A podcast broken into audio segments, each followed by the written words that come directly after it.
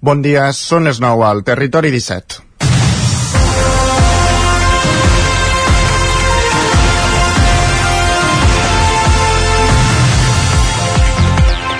La xifra de persones inscrites a les oficines de l'atur es va reduir aquest mes de novembre a Osona compensant la pujada que hi va haver el mes passat. Amb una taxa d'atur al voltant del 8,5%, l'ocupació se situa a nivells de l'any 2008, abans de l'esclat de la bombolla immobiliària. És una notícia positiva que confirma el bon funcionament de l'economia osonenca, que amb la indústria com a sector que li dona solidesa, és una de les set úniques comarques de Catalunya que ja ha superat el sotrac econòmic de la Covid. Fins l'any passat, la indústria va aguantar prou bé l'embat de la guerra d'Ucraïna, l'augment del cost de l'energia i de les matèries primeres, així com l'alça inflacionària general. Precisament, la menor dependència de sectors com l'hostaleria o el turisme va fer que durant la pandèmia, amb els confinaments i les restriccions, l'economia d'Osona es contragués menys. Ho va fer un 9,5%, quan la mitjana catalana era superior al 12% però més que mirar el passat cal mirar al futur. Hi ha un debat obert sobre l'elevada dependència que té el sector agroalimentari en l'economia de la comarca.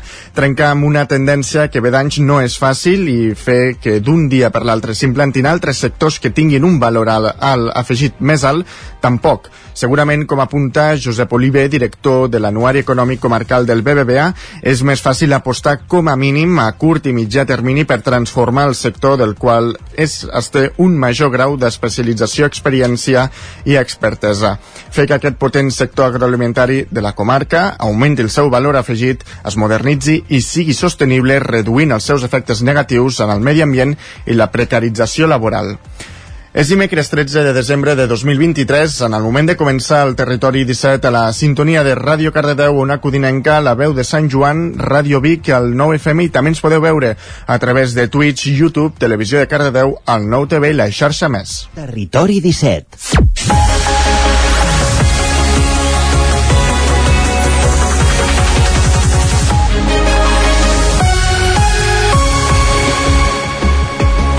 Dos minuts que passen de les 9 del matí en el moment de començar el Territori 17, el magazín de les comarques del Vallès Oriental, Osona, el Ripollès, el Moianès i el Lluçanès, que us fa companyia cada matí durant dues hores, des d'ara fins al punt de les 11. I amb quins continguts? Doncs un petit sumari en aquesta primera mitja hora abordarem les notícies més destacades de les nostres comarques, amb connexió amb les emissores que cada dia fan possible aquest programa. També farem un cop d'ull al cel amb en Pep Acosta, el nostre home del temps, des d'Ona Codinenca, per avançar-nos la previsió meteorològica i acte seguit anirem fins al quiosc per repassar les portades dels diaris d'avui. A partir de dos quarts de deu pujarem al tren d'Alba amb l'Isaac Muntades recollint la crònica dels oferts usuaris de la línia R3 i a l'entrevista avui parlarem amb Quim Banyo, el responsable d'impulsar la Galeria d'Art eh, Art 360 de Sant Joan eh, de les Abadeses, per, parlar, per parlar sobre les claus de la seva creació i també dels actes i esdeveniments que ja hi han programats. Qui ens portarà aquest testimoni serà l'Isaac Muntades.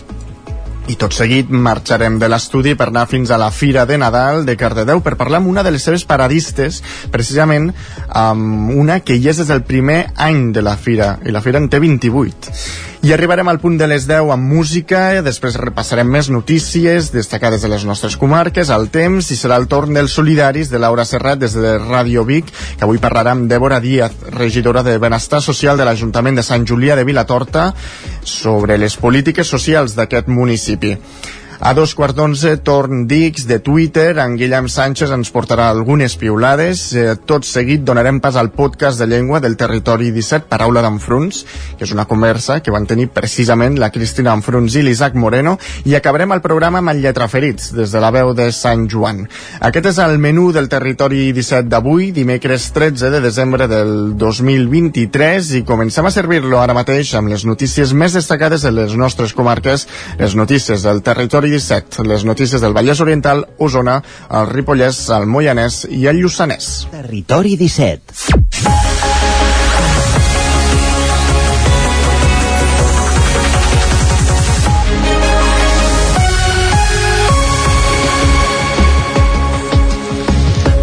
I us expliquem que el comitè d'empresa de Conforça convoca tres jornades més de mobilitzacions per protestar per les retallades en drets laborals. Isaac Muntades, des de la veu de Sant Joan. Tal com ja va avançar el Territori 17 fa una setmana, el president del comitè d'empresa de comissions obreres de Conforça, Xavier Rodríguez, va anunciar a les xarxes socials que els treballadors d'aquesta empresa ripollesa en factories a Camp de Bànol i Ripoll faran tres jornades més de mobilitzacions els dies 15, 17 i 22 de desembre. Els dies 15 i 22 de desembre, que s'escauen en divendres, els treballadors faran tres aturades parcials de dues hores, una en cada torn, i protestaran de 12 del migdia a 2 de la tarda davant de les oficines de Conforça 4. Aquests dos dies i també el diumenge 17, els treballadors de Conforça tallaran la carretera C-17 a l'altura de Can Villaura al trencant de les Llosses de 5 a 7 de la tarda. Rodríguez explicava que no s'havia avançat en les negociacions, ja que es continuava incomplint el conveni. Hi havia un bloqueig en revisió dels grups professionals, incertesa i retallades de drets en la negociació del nou conveni, un nul increment salarial l'any 2023 i cap negociació fins al dia d'avui per garantir la viabilitat de l'empresa i, per tant, bona part del futur del teixit social i econòmic del Ripollès. Rodríguez explicava que era el més immediat que reclamaven. També encara no s'ha augmentat el salari res, o sigui un 0%. No la paguen bàsicament perquè la funció pública no pot pagar més d'un 3% de massa salarial, d'augment de massa salarial. I no la paguen perquè aquest any va haver-hi un ajust de llei dels grups professionals que implicava un 2,73 d'augment de massa salarial. Que nosaltres creiem que això hauria d'estar a part, perquè, com he dit abans, és un ajust de llei, una llei que està vigent de fa 11 anys. Per tant, que una, que una empresa pública, de titularitat pública, pública no apliqui aquesta llei de fa 11 anys, potser s'ha estalviat més de 4 milions d'euros. Per tant, que no ens ho imputin a l'augment de la bestreta. I la bestreta és el 3% per què? Perquè la funció pública no pot cobrar més d'un 3%, com he dit abans. I el conveni el tenim bloquejat perquè no podem negociar amb plenes garanties. Entre, entre aquestes garanties és l'augment la, salarial. Les mobilitzacions a Conforça van començar a principis de desembre amb tres jornades de mobilització i talls de carretera amb un seguiment del 90% de la plantilla. I precisament ahir al matí una desena de treballadors d'una empresa proveïdora d'una companyia del sector logístic de Manlleu van parar de treballar com a mesura de protesta. Miquel Giol, al 9FM. Argumentaven que dilluns se'ls va comunicar que continuaran cobrant per sota del que estableix el conveni col·lectiu del sector de transport de mercaderies per carretera i logística, tal com ha passat l'últim any i mig, i demanaven tenir el 100% del salari. Al llarg del matí la situació es va anar reconduint. L'administrador de la companyia subcontractada els va demanar que designessin dos portaveus per negociar i, segons el mateix administrador, es van emplaçar a futures trobades trobades. El portaveu era Toumani Diallo. Nosotros no reclamamos más que nuestro convenio. Es lo único que reclamamos. Y queremos a, a seguirlo, que buscamos unos términos a medio. No podemos esperar dos años más des de l'empresa expliquen que la situació salarial dels treballadors es deu a la desvinculació del conveni que es va sol·licitar i autoritzar l'any 2022, fórmula prevista en situacions de dèficit o pèrdues. Aquesta desvinculació es mantindrà després que s'hagi aprovat la pròrroga del conveni col·lectiu, cosa que es va comunicar dilluns als treballadors i que hauria estat el detonant de la protesta. Continuem a Osona perquè Balenya posarà en marxa un sistema pioner per escalfar i refredar els habitatges de tot un barri, el de les piscines. Correcte, que els veïns deixin d'escalfar amb combustible fòssil i dipositar d'un model amb energia 100% renovable sembla un objectiu ambiciós, però ara la comunitat energètica Balanyà Sostenible ho vol fer amb la implantació d'una xarxa local de calor i fred que funcioni amb un sistema de geotèrmia per aprofitar la temperatura terrestre.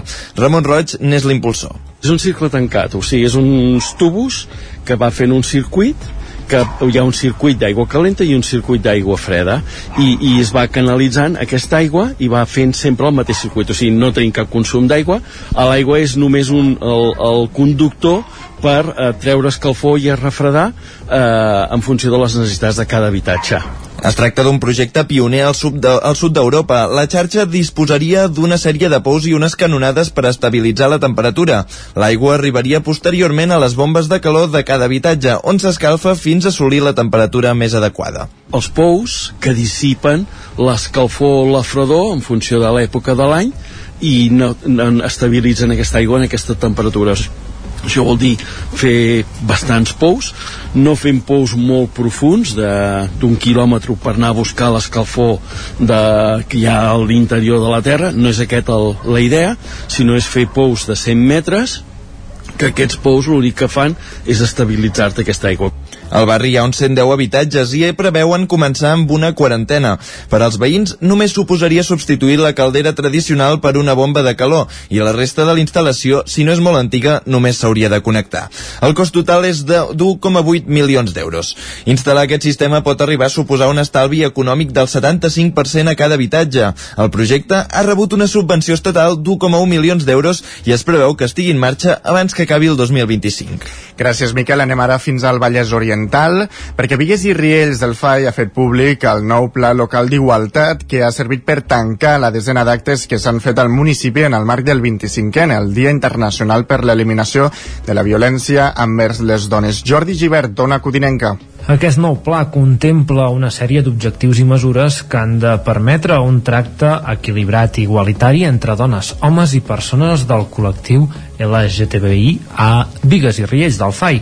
El document s'ha elaborat conjuntament entre diverses regidories i s'estructura en quatre eixos bàsics. Vetllar pel que Vigues i Riells del FAI sigui un municipi compromès amb el feminisme i les polítiques LGTBI, corresponsable amb els temps i els treballs, transformador pel que fa als valors i sobretot lliure de violències masclistes i LGTBI-fòbiques. Maite Escobar és la regidora d'Igualtat. Una iniciativa política vital per promoure la igualtat de gènere en perspectiva LGTBIQ+, i que busca assolir la igualtat d'oportunitats al nostre municipi. Les regidories d'Igualtat i LGTBIQ+, hem adquirit el compromís ferm d'abordar les desigualtats de gènere a totes les àrees i juntament amb la resta de regidories treballarem per una societat més justa i inclusiva, perquè això és un deure moral.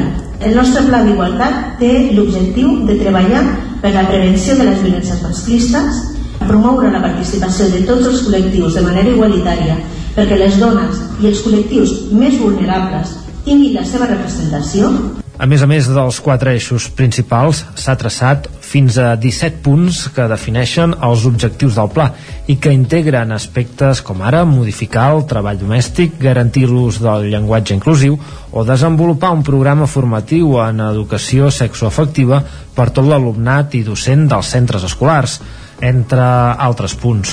L'alcalde de Vigues i Riells, Joan Galiano, explica que aquest és un primer pas per seguir desplegant polítiques d'igualtat. No és un últim pas, sinó que és una línia de treball que volem continuar i que segurament el que farem és que aquest treball ens donarà passes, pautes, ens donarà eines per continuar millorant en el que hem de treballar tots els municipis, que és al final per tots els seus ciutadans i el que és més important, aquí ja no li posarem ni una ni una davant, sinó que treballarem per tothom per igual. A l'acte de presentació del pla hi han assistit una quarantena de persones, entre els quals hi havia el regidor d'Assumptes LGTBIQ+, Nico Maiolas, la regidora d'Igualtat Maite Escobar, i l'alcalde Joan Galiano, a més de Mireia Mata, secretària d'Igualtats de la Generalitat. Gràcies, Jordi. Des del 2003, la Generalitat de Catalunya treballa per localitzar les persones desaparegudes durant la Guerra Civil i la dictadura franquista.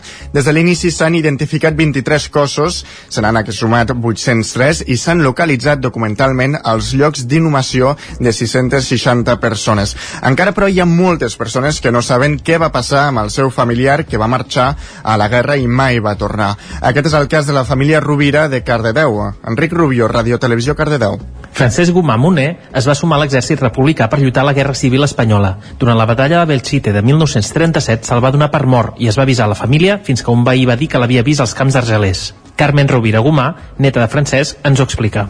A casa la meva àvia no sabia gran cosa. Un company de, del seu home, del meu avi, eh, quan va tornar va passar per casa i li va dir que ell l'havia vist caure. Però després es veu que un altre company li va dir que ell l'havia vist per, pel sud de França. Realment què va passar no, no se sap. La meva àvia pensava que si realment estigués viu que hagués donat senyals de vida d'una manera o altra. L'any 2007, la cardedeuenca Maria López, besneta del Francesc, va començar a cercar amb l'ajuda del Memorial Democràtic per poder saber què va passar amb el seu besavi va començar tot un període d'investigacions i una correspondència de cartes de diferents llocs com centres penitenciaris, funeràries, ajuntaments per veure si Francesc Gomamuné constava en algun indret d'Espanya.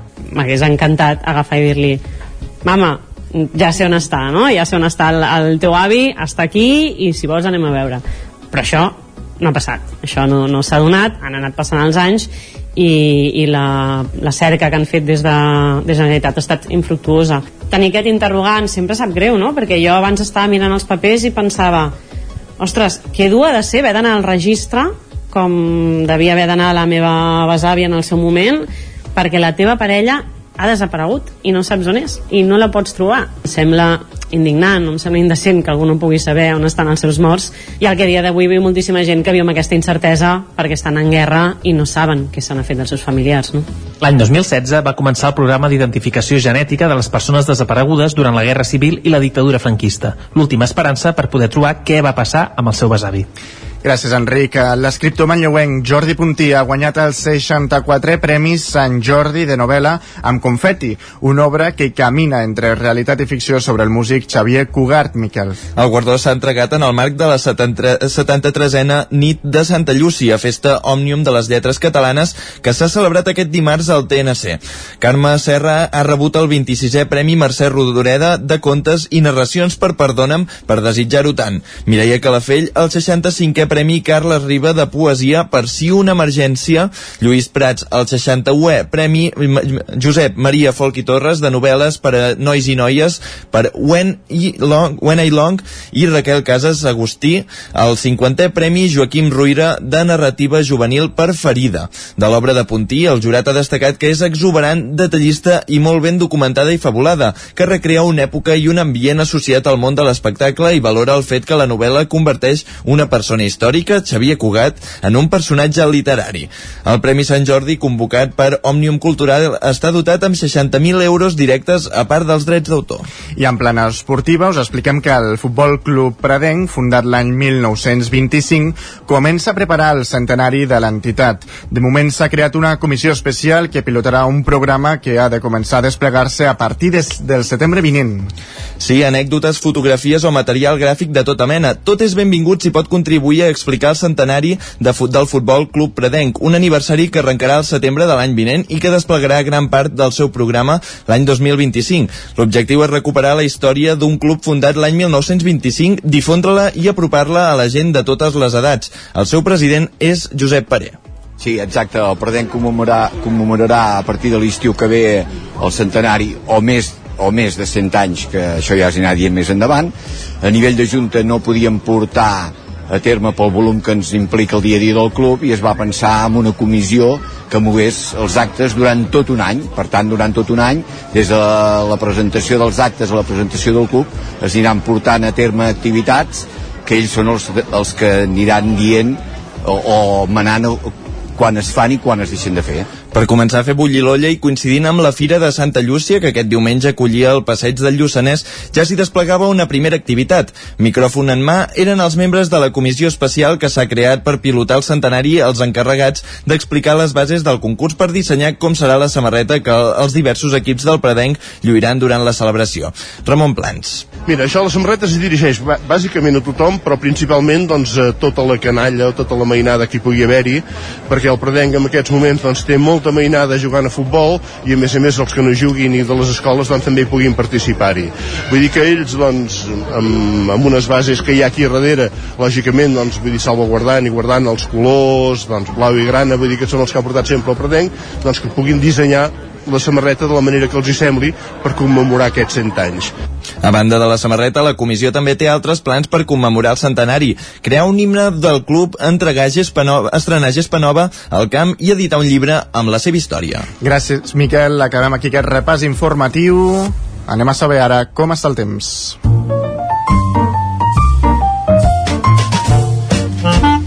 Casa Terradellos us ofereix el temps. Saludem ara el nostre home del temps, en Pep Acosta, dona Codinenca. Bon dia, Pep. Hola, molt bon dia. Perdoneu per la veu, però aquí hi ha una altra víctima eh, d'aquest temps, d'aquests virus que hi han. Estic fet pols i, i és el que hi ha, eh? Molta gent està així, però és que està tot boig, estem tots que, que caiem com mosques, eh? Jo he, he caigut. Uh, què dir pel que fa al temps? Doncs que també està fatal.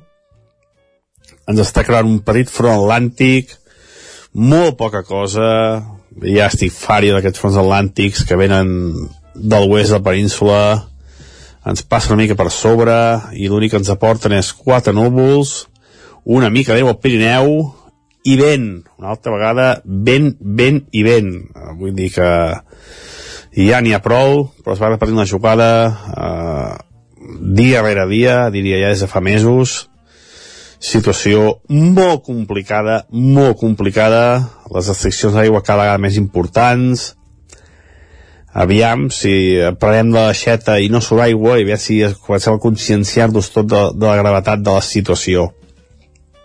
Uh, com deia, aquest front deixarà molt poca precipitació, només una mica al Pirineu, ens està escombrant ara mateix, i el que sí que fa és que baixa les temperatures, perquè aquesta nit ha sigut amb temperatures molt altes, molt altes per l'època de l'any, màximes de més de 10 graus a molts punts, eh, glaçades molt poc importants al Pirineu, en definitiva unes temperatures del tot, del tot inusuals, eh, que fan por, i és que no, no, no, no es pot aguantar més aquesta, aquesta situació, és impossible de- de- d'aguantar.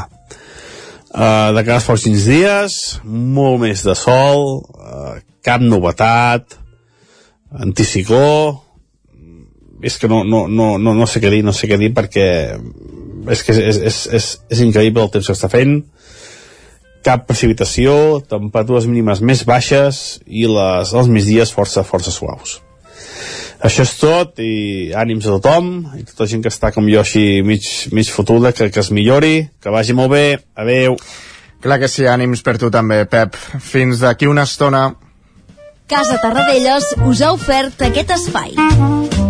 I el que fem ara al Territori 17 és anar cap al quiosc.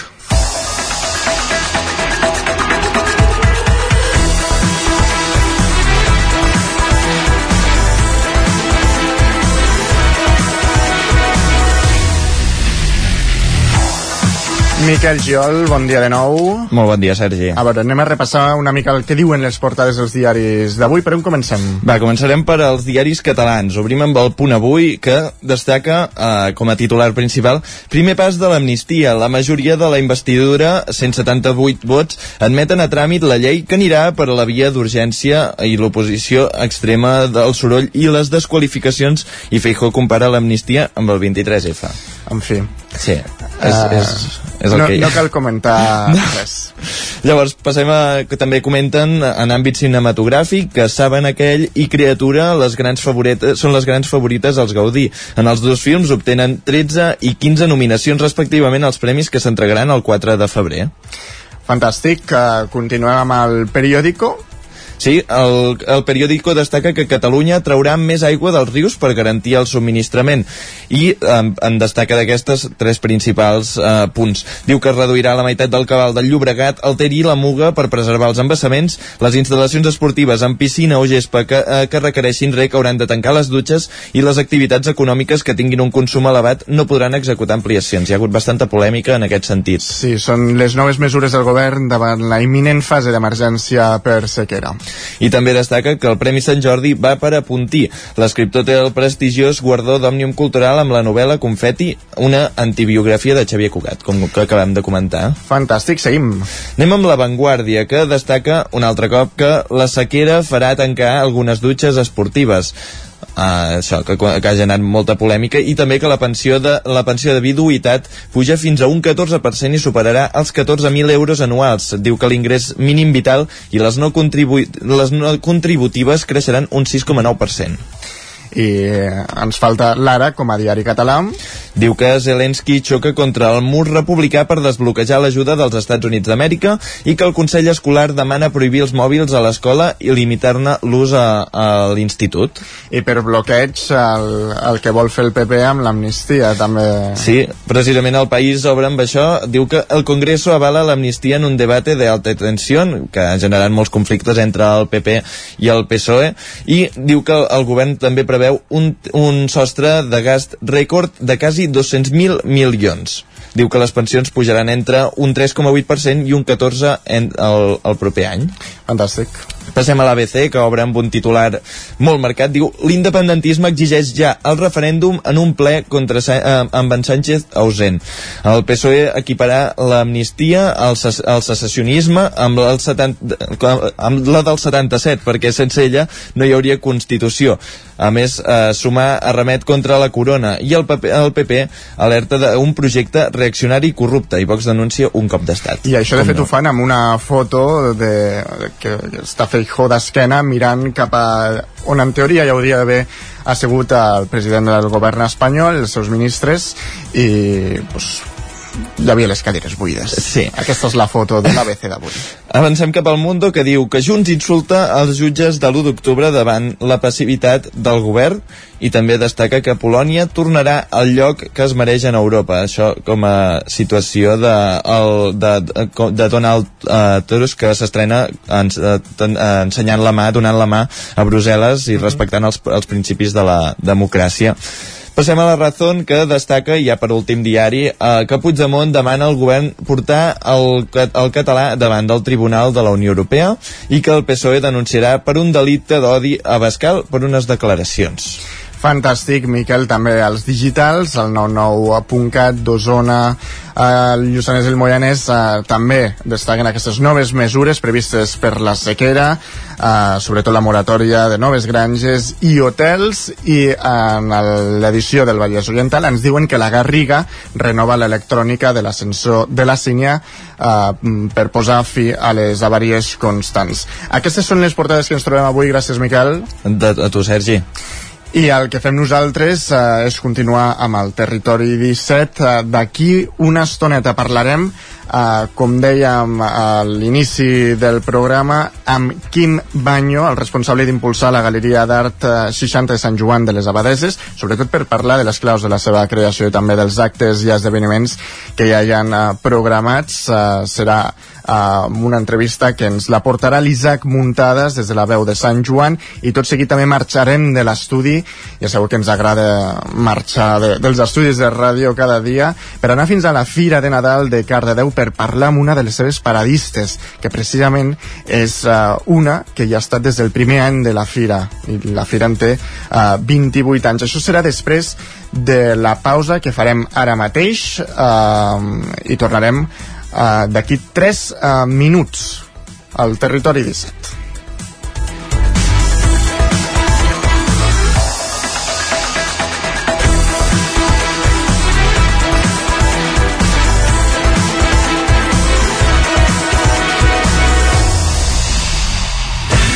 El nou FM, la ràdio de casa, al 92.8. Amb Pradell estalvio energia i cuido la meva butxaca i el medi ambient. Posa't en mans de Pradell. Són experts en calderes de gas de condensació, estufes de pèl·let, energia solar, terres radiants i aerotèrmia. Pradell instal·la aires condicionats amb bombes de calor per a particulars i empreses. Si vols estalviar un 50% en consum, contacta amb Pradell i passa't a les energies renovables. Pradell, som a l'Avinguda dels Països Catalans 27 de Vic. Telèfon 93 885 1197. Pradell.cat Pradell us desitja bones festes. Situat en un entorn immillorable, envoltat de natura, a l'hostal restaurant La Guineu tenim la brasa encesa tot el dia per esmorzar, dinar o sopar a la fresca. Ja tenim a punt les opcions de menús d'empresa i per les festes de Nadal, Sant Esteve o Cap d'Any. Estem especialitzats en opcions vegetarianes. Hostal La Guineu. Ens trobareu a l'urbanització Les Guilleries de Viladrau. Obrim tots els dies. Menja ràpid, menja fàcil, el trinxat de les Carlit. Mmm, boníssim! Trinxat Carlit, 100% natural, fet cada dia a Puigcerdà i a punt en un minut. Encara et preguntes què t'emportaràs a la feina o a la uni per dinar? El trinxat de les Cerdanyes diu Carlit. Mare meva, s'acosta un moment de fer riquití. Mama Duixa ens presenta Ritiki. Mama Duixa és el pseudònim de Bruno Fabrizi. El barceloní Mama Duixa veu de la música urbana, però també veu de la cançó d'autor. La fusió dels dos gèneres donen fruit a unes cançons originals. tendres i amb molt de ritme. Mare meva, s'acosta un moment de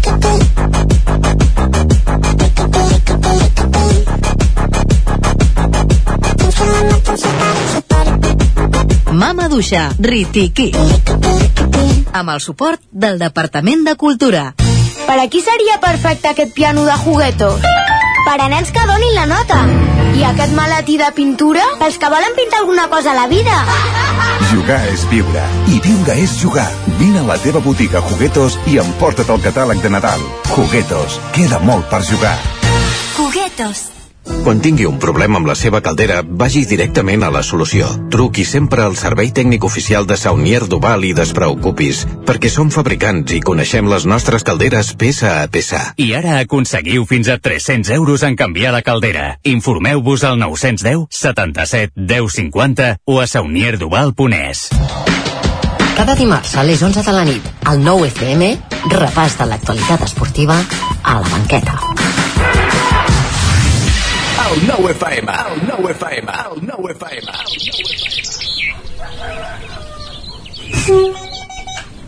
A Tren d'Alba. Cada dia els usuaris i usuàries de la línia R3 de Rodalies que veuen sortir el sol des d'un vagó ens expliquen les gràcies i les penes del primer comboi que uneix Ripoll i Barcelona o les feixugues jornades amb el tren després de treballar. Benvinguts a Tren d'Alba. Avui tenim una bona notícia, ja que es millorarà la capacitat al tram Vall Salomó, ja que DIF instal·larà nous sistemes de gestió del trànsit de comunicacions i seguretat per posar en servei el bloqueig automàtic. Tot plegat tindrà un cost de 9,2 milions d'euros. L'usuari senyor maquinista els hi contestava que aquest bloqueig automàtic ja estava instal·lat i que arran de l'esclafit del 18 d'octubre del 2017 va curtocircuitar i no es va arreglar. Així que realment és un restabliment dels sistemes que ja existien. Ara el que realment necessiten a les Rodalies 13 és que posin més trens, segons aquest usuari. Està bé això de vendre inversions que ja funcionaven en el seu dia i es van espatllar com una cosa nova. Va, ens retrobem demà amb més històries del tren i de l'R3. Passa un minut de dos quarts de deu del matí.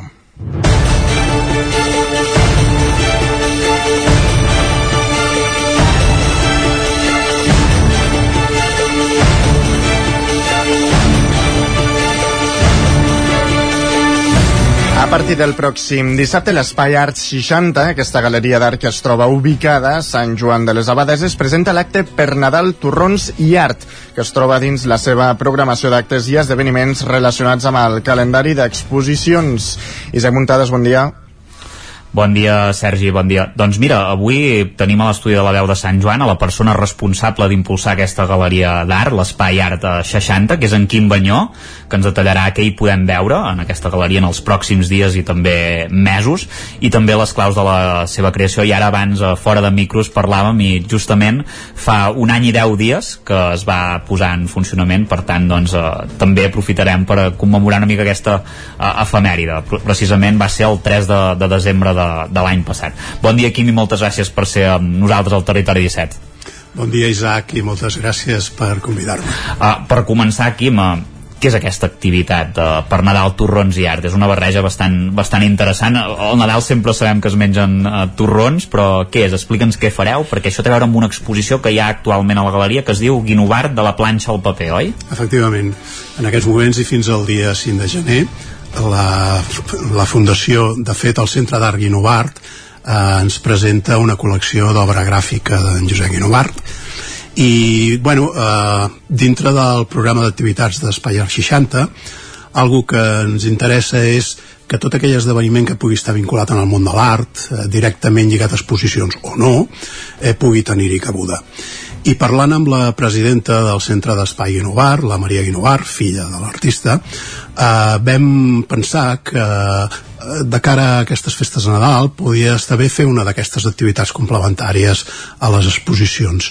I donada la vinculació que Guinovar eh, té en raó de la, del lloc d'origen de la família de la seva mare, que és a Gramunt, pues bé, va venir tot molt rodat. És a dir, el, el torró de Gramunt, no? Sí, sí. de Gramunt, i la Maria vindrà amb els estris necessaris per poder-nos ensenyar eh, com s'executa tot el procés de creació d'una obra gràfica. Llavors pot ser molt divertit, interessant i, i alhora també pues, mira, un motiu de trobada i de fer pues, un brindis pel, per les properes festes de Nadal. És algo que habitualment anem fent aquestes activitats paral·leles a les pròpia, al propi calendari d'exposicions. Uh -huh. Quim, anem una mica enrere. Com, com se't va acudir la idea d'impulsar una galeria d'art a, a Sant Joan i per què el lloc escollit va ser aquí, a, a Sant Joan? Sí, mira, uh, hi ha una raó important. Uh, jo estic casat amb una santjoanina i bé, és un moment vital tant de la meva dona l'Anna com jo mateix on eh, estem en un moment mm, on la vida professional diguem ja estem en fase de prejubilació anem a dir-ho així i l'Anna tenia interès com tants d'altres hi ha hagut de tornar a casa d'instal·lar-se a Sant Joan encara viu la seva mare i bueno, era un moment que en tot cas amb ella li venia de gust fer això i i, bueno, i jo què faig? Perquè eh, si és veritat que eh, i sempre he tingut un interès pel món de l'art, però professionalment no m'hi havia dedicat mai. La meva vida professional ha estat més lligada al món del màrqueting i la publicitat que no, que no al món de l'art. Però sí és veritat que l'última etapa professional eh, dintre de la col·laboració que feia amb una companyia dedicada al món de la producció d'exposicions fotogràfiques vaig conèixer de més a prop tot aquest món de les institucions, de les galeries, dels artistes i allò, això va anar fent eh, bueno, la seva feina. I a l'hora de, de deixar ja la meva activitat professional em va semblar que una galeria d'art donaria sortida a una il·lusió i a una ocupació també. I dit i fet, dit i fet instal·lar-nos aquí a Sant Joan. Hi ha una raó també important i és que Sant Joan és una vila amb una enorme activitat cultural i amb una joia, que és el món del romànic, i amb una joia que, que s'extén no només a Sant Joan, sinó a tot el Ripollès. Eh, hi ha molt visitant cridat per aquest món del romànic que ve a visitar pues, les obres que, que en fi, la portalada del monestir de Ripoll, -hmm. el nostre monestir, el davallament eh, les esglésies romàniques de la vall de Camprodon és a dir, és un públic interessat pel món de l'art i la cultura Aquí a Sant Joan fa ja forces anys hi havia hagut una galeria d'art i ens va semblar que era una oportunitat de, sobretot d'una sortida una il·lusió de crear un element més dintre d'aquest eh, món cultural que, que, que Sant Joan eh, té interès i, i aquí estem Mm -hmm. I, de moment molt satisfets uh, ara ho comentàvem abans eh, Quim la galeria dèiem que això que ha obert fa un any i, es, un any. i escaig podríem sí. dir un any i deu, i deu dies sí. comentaves una mica això, eh, el, el seu objectiu principal en el fons no deixa de ser de, de promoció de la cultura fins i tot doncs això que comentaves eh, estem en, un, en una comarca doncs, que tenim un patrimoni arquitectònic i històric molt important sobretot en, en el tema romànic és, és una mica aquest l'objectiu, oi? Sí Sí, sí, és aquest, és aquest. És eh, un, oferir un atractiu més a les persones que es desplacen cap a, cap a les nostres contrades eh, i que venen cridades pel món del romànic. Evidentment, el món del el paisatge, la muntanya, eh, tot, tot això té un valor, però eh, el que ens ha d'alguna manera donat més pes a la idea és el món del romànic, el món de l'art en general. Mm -hmm. uh, Bueno, digues si vols, Isaac, si no, et tiro. No, no, comenta, Sergi, comenta. No, sí, sí. Anava a dir que quantes uh, uh, exposicions hi han passat uh, des d'aleshores uh, per aquesta sí. galeria i, i de quin tipus? Sí, mira, la galeria vol ser un, un lloc on es pugui expressar el món de la pintura, l'escultura i la fotografia contemporànies, eh, bàsicament. És veritat que hi ha altres tècniques que també vull donar-li cabuda, com podria ser el món de la ceràmica, i... però bueno, anirem fent perquè com abans deia l'Isaac, pues ara complim el primer aniversari. La nostra intenció és eh, fer un calendari d'exposicions perdó, on cada dos mesos puguem anar eh, canviant l'exposició Clar, el públic que ens visita eh, és un públic mm, més enllà de la gent de la vila que, en fi, que ha acollit magníficament la galeria, però sí és veritat que hi ha un públic visitant de cap de setmana i el món de l'art no és una compra d'impuls llavors el que cal és d'alguna manera, perquè és una galeria comercial òbviament, eh, el que cal és donar temps donar temps a aquell que puja aquella família que en ve veure que s'interessa per una obra però que potser no torna a Sant Joan fins al cap de 15 dies perquè la vol tornar a mirar uh mhm. -huh. llavors aquesta periodicitat dels dos mesos creiem que és, una, és un període interessant. Per tant, l'exposició que ara està en marxa, la de Guinovar de la planxa al paper, és la sisena, és la sisena exposició. Vam començar amb una exposició d'escultura en ferro i de fotografia impresa directament sobre fusta, vam anomenar Mar Ferro Fusta, perquè els motius d'aquesta exposició eren bàsicament eh, l'escultor està radicat a l'Alt Empordà i el fotògraf eh, va fer tota una sèrie d'obra al voltant del Cap de Creus i, i la vila de Cadaqués i bueno, ens va semblar que era portar el mar a la muntanya podia estar bé a partir d'aquí va venir en Miquel Ordeig com com un pintor usonenc amb una abstracció molt interessant, que realment va ser una exposició de molt d'èxit. Després d'en Miquel Ordeig va aparèixer el que per mi també va ser una feta important, que va ser el Manel Marzomar, pintor, escultor i gravador de Sant Feliu de Guíxols, que va fer una, una exposició juntament amb el Mat de Nebregó, sobre uns determinats camins de l'extracció, dos maneres diferents de, de veure el món de l'extracció o d'aproximar-se al món de l'extracció. Després eh, va aparèixer un pintor de Taradell, el qual m'aprecio moltíssim, eh, que és en Jesús Ramos, amb una exposició eh, molt interessant que pro, pro, volia eh, promoure una mirada sobre la petjada eh, tremenda que l'espècie humana està deixant sobre el planeta amb els seus, uh -huh. amb els seus quadres i realment va ser una exposició també molt ben rebuda i, i ens vam plantar l'estiu i, i, i a l'estiu, un cop passat l'estiu amb en Jesús Uh, i tot aprofitant la festivitat del Grito aquí a Sant Joan uh mhm. -huh. ens va semblar interessant eh, promoure una exposició col·lectiva d'art contemporani mexicà vam tenir la fortuna de poder comptar amb dos escultors, dos pintors i un fotògraf que van portar les seves obres directament des de Mèxic i bueno, va ser com una contribució a un acte més en aquesta jornada tan important pels Sant Joanins com és la festivitat del Grito i ja ens hem trobat amb en, amb en Guinovart amb mm -hmm. en Guinovart que està fins al 5 de gener i amb ell tanquem l'any. L'exposició d'en Guinovart per mi, bueno, pues té un component emotiu important perquè en Guinovart va estar molt vinculat amb una amistat important amb un pintor eh, instal·lat aquí a Sant Joan com és en Gerard Sala el qual quan vaig inaugurar la galeria eh, des del primer moment eh, em va fer sentir molt a prop seu, el seu mestratge, eh, la seva guia i amb el que em sento tremendament, tremendament a prop. Uh mhm. -huh. I, I bé, ara fins al 5 de gener pues, estarem amb ell. I ja el 2024 pues, comencem amb un nou calendari que ja el tenim farcit d'actes, d'exposicions i, i de fet el calendari d'exposicions se'n va ja fins a la tardor del 25 vol dir que hi ha moltes uh mhm. -huh. ganes de moltes ganes d'exposar i el que cal és en tot cas pues, en fi eh, després d'un any l'experiència ens diu que hem de fer pues, ja una certa tria perquè la galeria comença a tenir una determinada imatge que hem de mirar de mantenir i la veritat és que molt il·lusionats i molt contents. Precisament t'agafo el fil d'això últim que, que comentes, això que dius que s'ha de fer una, una certa tria, també hem vist que en algunes d'aquestes exposicions hi ha una simbiosi molt amb Sant Joan, no? però el, sí. el tema mexicà, per exemple, de la Festa del Grito, sí. aquesta última que també hi havia una, una amistat comuna amb en Gerard Sala, no? que, que també és de Sant Joan.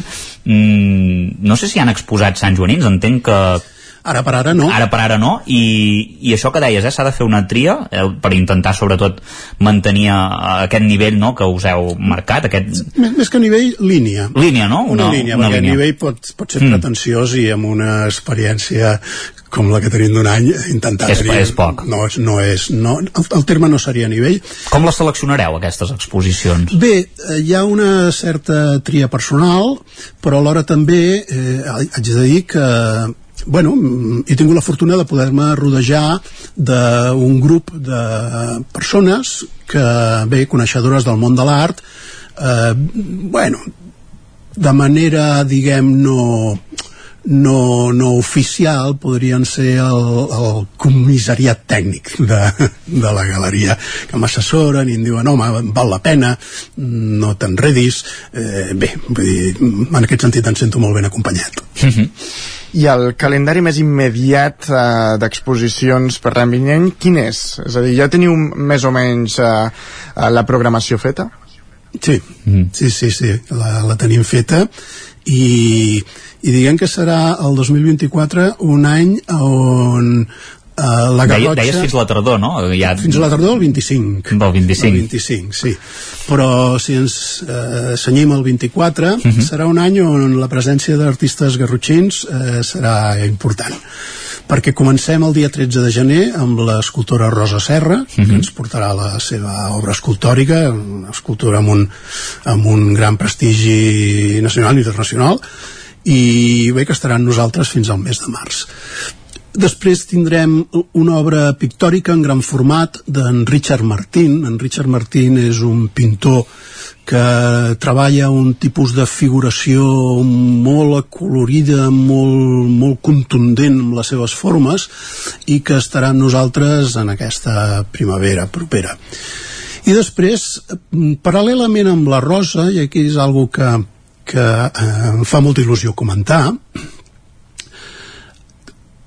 ho diré d'una altra manera. El mes de maig està amb nosaltres en Manuel Solà. Manuel Solà és un escultor eh, bueno, mm, membre del grup d'artistes eh, diguem, acompollat per la Fundació Vilacases, mm -hmm. és una persona d'un cert prestigi. Que ha tingut una, una petjada a la Fundació Vilacases aquí a Sant Joan. Una, efectivament Llavors, en, en Manuel Solà, eh, un cop vaig estar en el seu estudi escollint juntament amb ell les obres que a partir de maig estaran a Espai 60, vaig veure, vaig conèixer que havia tingut un passat com a pintor.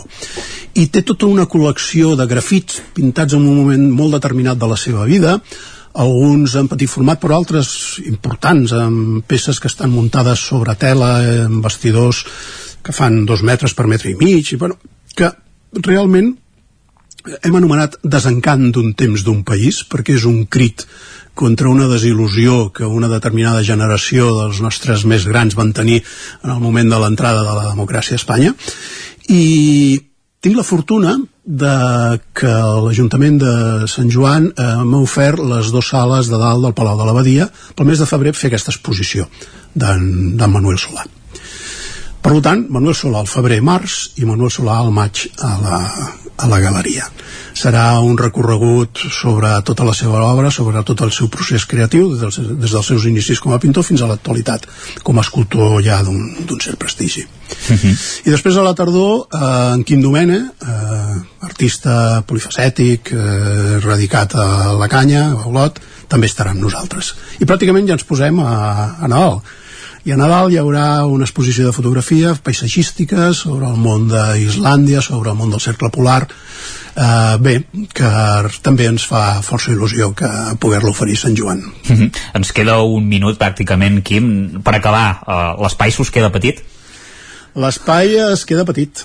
L'espai es queda petit, però però és un espai molt confortable i tampoc volem créixer per créixer uh Mhm. -huh. preferim allò que diuen menjar poc i pair bé Uh -huh. i seleccionar molt bé el tipus d'exposicions que, que volem dur a terme Perfecte. Quim, llarga vida a l'Espai Art 60. Gràcies per acompanyar-nos avui al Territori 17 i gràcies a tu també, Isaac.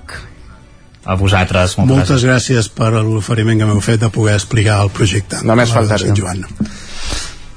Nosaltres, adeu. adeu, que vagi bé, bon dia. Nosaltres continuem amb el Territori 17.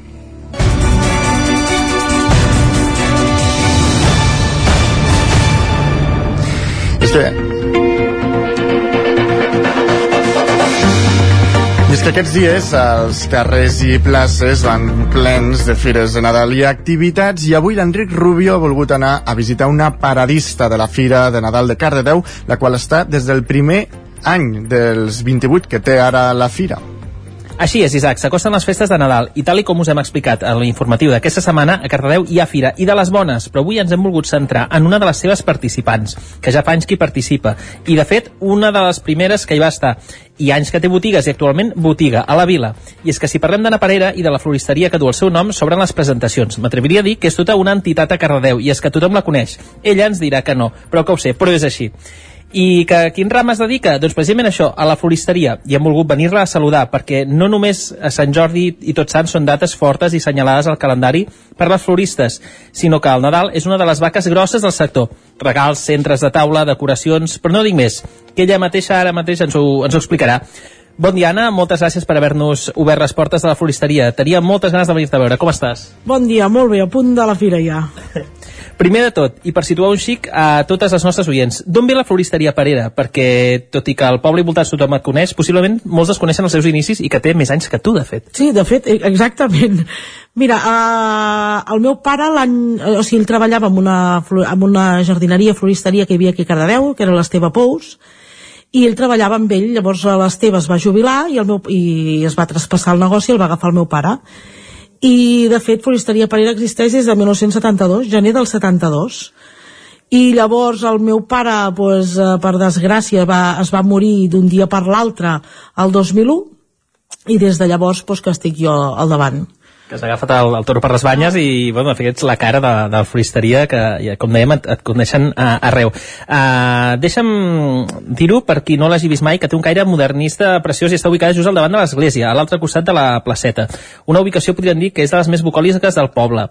Uh, aquests dies, potser qualsevol indret és bo, però durant la temporada és important, no? I està al centre de la vila. Home, i tant. És on hi ha el caliu, on hi ha la gent. Um, jo estic encantada d'estar aquí, la veritat. Muntes parada exterior, tot i la ubicació aquesta física? Sí, sí, sí, nosaltres tenim dos, muntem dues parades, o sigui, dues carpes aquí fora que fan dos per sis metres perquè el que fem és treure tot lo de la botiga ho traiem a fora i el que és la botiga és, el magatzem. A més, eh, per la gent que us conegui, esteu just al davant, és a dir, si heu de muntar alguna cosa a última hora o així, ho tindreu fàcil. Exacte, i tenim la càmera aquí, la càmera frigorífica, vull dir que ho tenim superbé, perfecte. Ja ho veieu, no només els restaurants tenen càmeres, sinó que les floristeries en tenen, i a vegades de més gros inclús que els, que els restaurants per tot el que s'ha de guardar. Què significa pel, la fira pels comerços del poble? És realment un agost de la temporada o està potser sobrevalorat? Suposo que depèn del, del sector. En el nostre és, la, és gairebé l'agost. Sigui, el primer, o sigui, per nosaltres el primer és Sant Jordi, però després és el Nadal, la Fira de Nadal. I a més a més eh, trobo que si es fa la setmana abans del Nadal, per nosaltres és molt millor que no pas que es fes, per exemple, durant el pont saps? Perquè amb aquesta setmana la gent ja té el concepte, ja et veu el Nadal aquí, que ja hi som, ja, ja tothom ve a preparar coses, a buscar el centre de la taula, la ponceta, no sé què, els remets de la sort, amics invisibles, totes aquestes... Tothom, tothom està a la vila i, i a més no cau amb la, com per exemple la Fira de- d'Espinelves a, a, o la de Vic, la medieval, no? A, fuig una mica de- d'això i queda un cap de setmana després així Reis i, i Tió, no? I tot tenen temps de fer els encàrrecs. Exacte, per nosaltres, si és la setmana just abans, és ideal. De quines maneres eh, podem trobar les floristeries dins de cada casa aquestes festes? Més enllà de l'arbre de Nadal, com, com encara el sector aquesta temporada? És a dir, quin, quin tipus de, de producte no? eh, surten més? Ui, mira, fem la tira de coses. Mira, Una de les coses principals és la planta de Nadal. Però normalment la planta de Nadal es regala, no? Normalment es regala. Els remets de la sort també, que són els remets de gui o de vesc. I llavors els rams d'eucaliptus, tant si és un centre de taula com una guirnalda per a decorar el que sigui, eh, corones que es fan per la porta, eh, fins i tot hem arribat a fer hasta detallets pels tovallons amb eucaliptus i així, vull dir que quasi, quasi Per poder decorar la, les taules i tot. I el tema eucaliptus és una cosa que no, és, no només es regala pel moment, sinó que després durant l'any et segueix fent olor. I quan, quan pot durar la, la, a nivell aromàtic?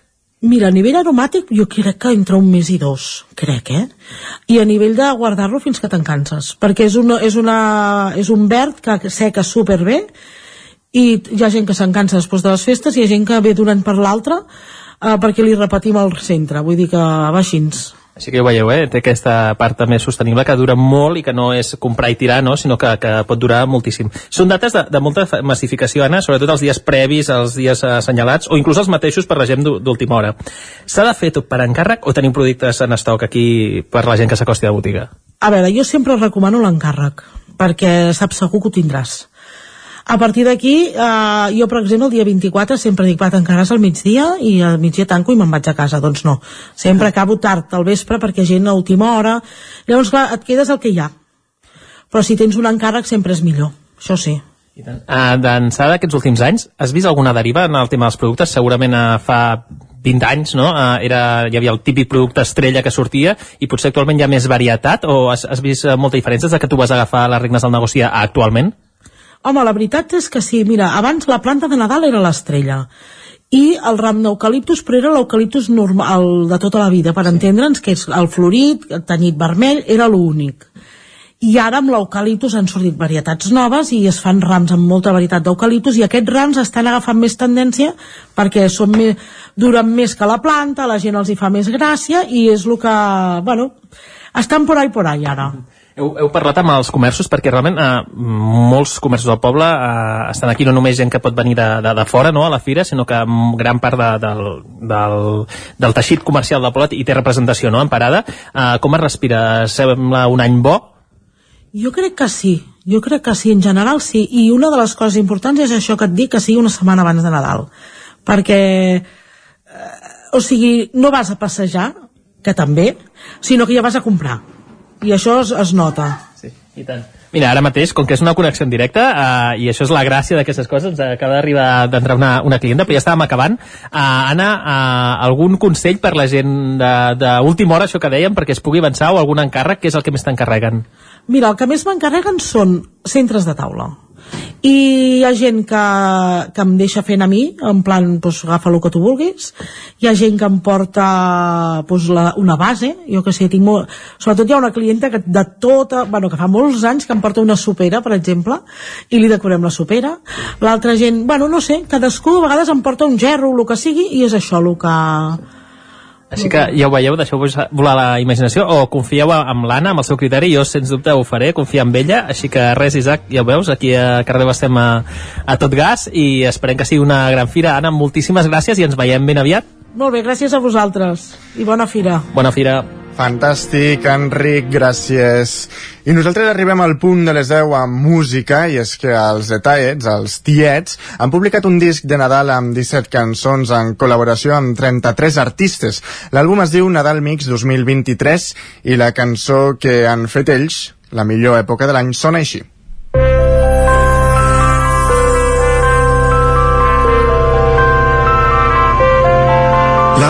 Millor època de l'any, la meva preferida, la que cauen regals i mengem cosa fina i quan caiem al tió no celebrem un porró.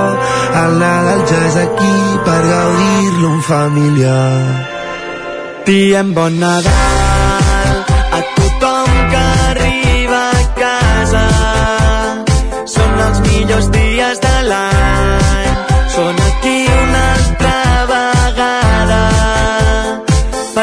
avui diem bon Nadal les joquetes a l'entrada.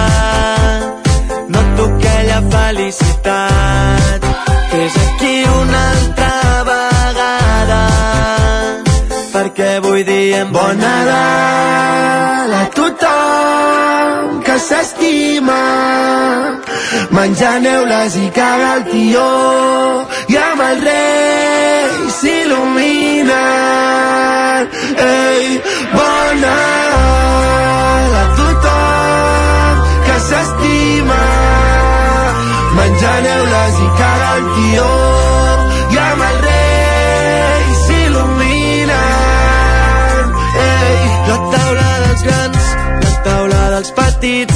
els nens canten Nadal les que alcohol li han sentit.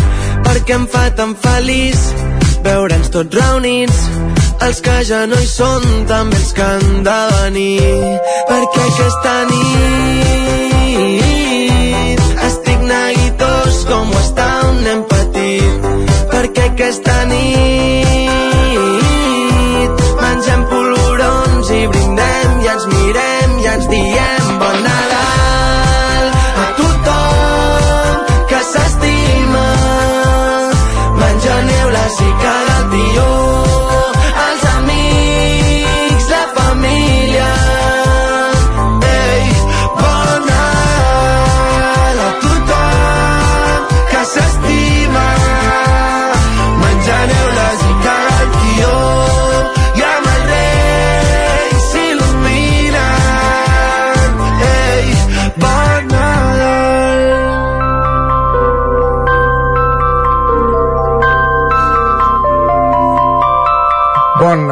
bon Nadal, bon Nadal a tothom, com diuen els Detallets. I un altre grup que participa en aquest àlbum són els Sexeni i ho fan amb la cançó Aquest any seré millor. Desde petit, eh, eh, espatllat el que toca tot des del pit, pit, pit, tot ho he fet sense maldat, m'he carregat, nangat, més d'un plat i ho amagat, puta vida, la factura sempre arriba al Nadal, i ara 5 de gener, oh, eh, m'han trucat els amics, ja no em vull portar bé, i ara 6 de gener, joder, ja ha arribat el carbó, no recordo què he fet. Aquest any us demano salut pels meus bros, una noia que em recordi a l'olor del meu tros, i si no de tant en tant trobar una mica de sort, però al final, al final sempre m'arriba carbó, carbó, carbó, sempre dolent i mai el bo, el bo, el bo, jo volia ser millor, millor, millor, tan sols volia ser millor.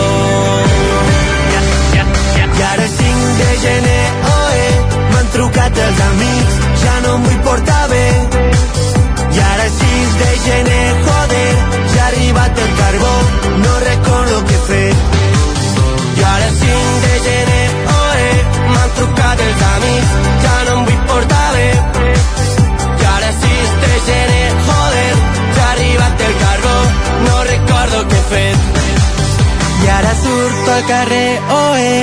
eh, veig a l'avi estiets amb una copa de més. I a les 6 del matí, joder, he acabat amb els reis, aparcant els camells. Millor... Doncs així sonen eh, aquestes dues cançons que formen part de l'àlbum eh, Nadal Mix 2023 i ara que són, eh, passen res, 30 segons de les 10 del matí, el que fem és actualitzar-nos amb les notícies de les nostres comarques. Territori 17.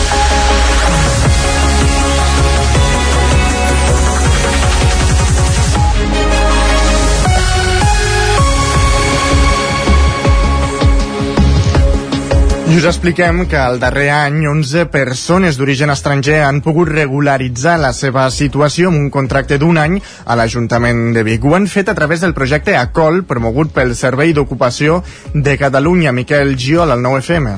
Exacte, moltes de les persones que s'han acollit al projecte tenen formació universitària o d'oficis i durant aquest temps han treballat de suport en aquests llocs que encara encaixaven amb el seu perfil, des de cultura fins a l'oficina d'atenció ciutadana, urbanisme o salut pública. Sentim l'alcalde de Vic, Albert Castells. Vivim en un país que es donen situacions absurdes de persones que amb ganes de treballar, amb formació, amb formació universitària fins i tot, o d'oficis com la llauneria i l'electricitat, amb empreses que necessiten eh, treballadors i gent amb ganes de treballar, però no poden treballar. Per tant, aquest absurd es supera en programes com aquest.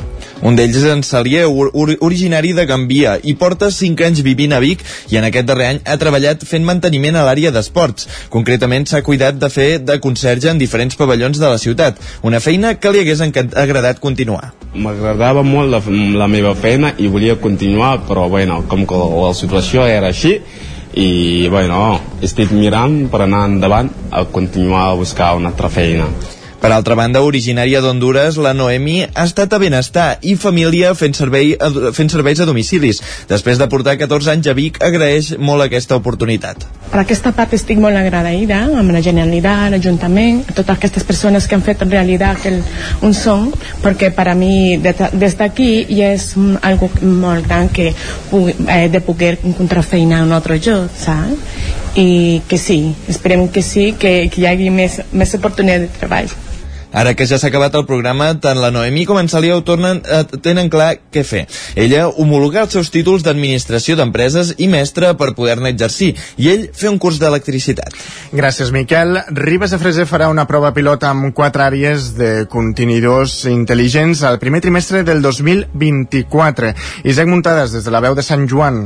L'Ajuntament de Ribes de Freser té previst iniciar una prova pilot al primer trimestre de l'any vinent amb la implantació de quatre zones de contenidors intel·ligents a punts estratègics del municipi que aniran amb un xip i que s'obriran amb una targeta que es facilitarà als veïns. Segons el conseller de recollida de residus del Consell Comarcal del Ripollès, Àlex Medrano, que alhora regidor de la CUP a Ribes, cal augmentar el percentatge de reciclatge del municipi, ja que actualment oscil·la entre el 43 i el 46%, una xifra insuficient, i més si es compara amb Sant Joan de les Abadeses, que frega el 75%. Medrano apuntava que aquest sistema de contenidors intel·ligents permet incrementar els resultats espectacularment. Tant a municipis veïns de la Garrotxa com als municipis o ciutats del nord d'Itàlia que són pioners amb, amb, aquesta, amb aquests tipus de sistemes, els números ho avalen, el percentatge incrementa considerablement, a més a més, en relativament poc temps, i això també ens permetrà doncs, eh, analitzar amb una base de dades tonatge, com freqüència, com reciclatge. Les quatre àrees on es posaran aquests contenidors són a la carretera de Patines, al carrer Bonavista, la pujada al pavelló i a la carretera de Puigcerdà. L'alcaldessa de Junts per Ribes, Mònica Sant Jaume, va explicar que les dues àrees situades a les carreteres que porten a Pardines i Planoles s'hi acumulaven moltes deixalles. Sabem tots doncs, que a la carretera de Pardines s'hi generava molta, molta deixalla, molta provinent de Pardines, això passa. A la carretera de Puigcerdà s'hi genera molta, molta deixalla, molta provinent de Planoles. No són fets aïllats,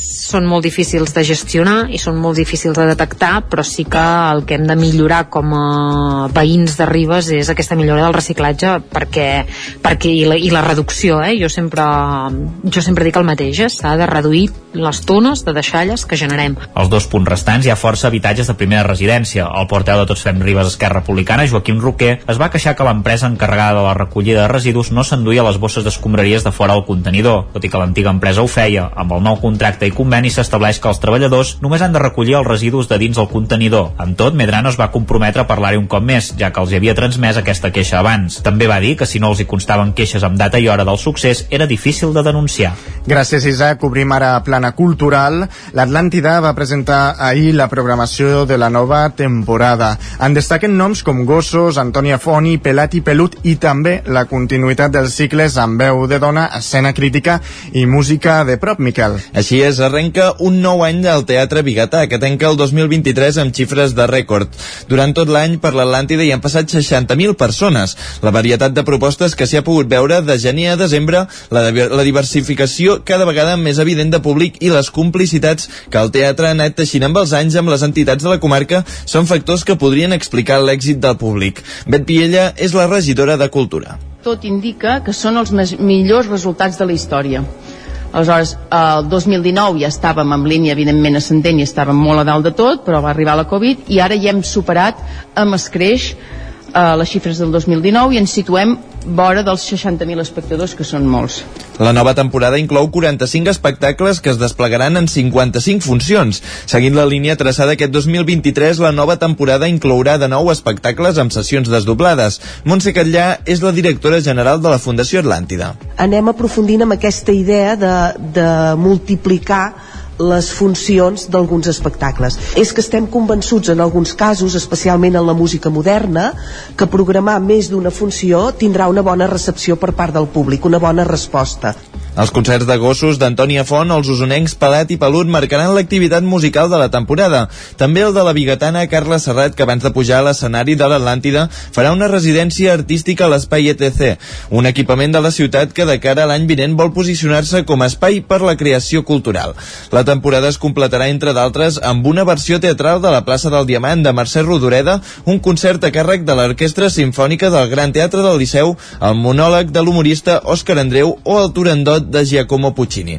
També es donarà continuïtat als cicles amb veu de dona, escena crítica i música de prop. Gràcies, Miquel. Francesc Rivera, o conegut per molts uh, com a Titot, el cantant de Brahms, té ja fa uns anys una faceta literària que ha alimentat escrivint diversos llibres i aquest cap de setmana n'ha presentat el seu quart a Cardedeu.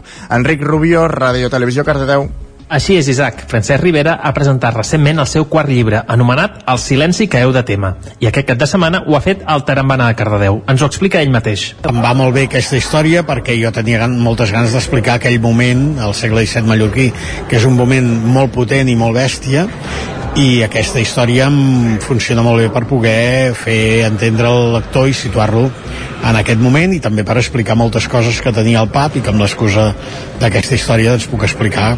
El llibre és una història de Mallorca ambientada en el segle XVII, un període de conflictes de poder entre aristòcrates i governants. La protagonista és una monja, Joana de Santa Cília, una dona ambiciosa, intel·ligent i invisible per a una societat governada per homes.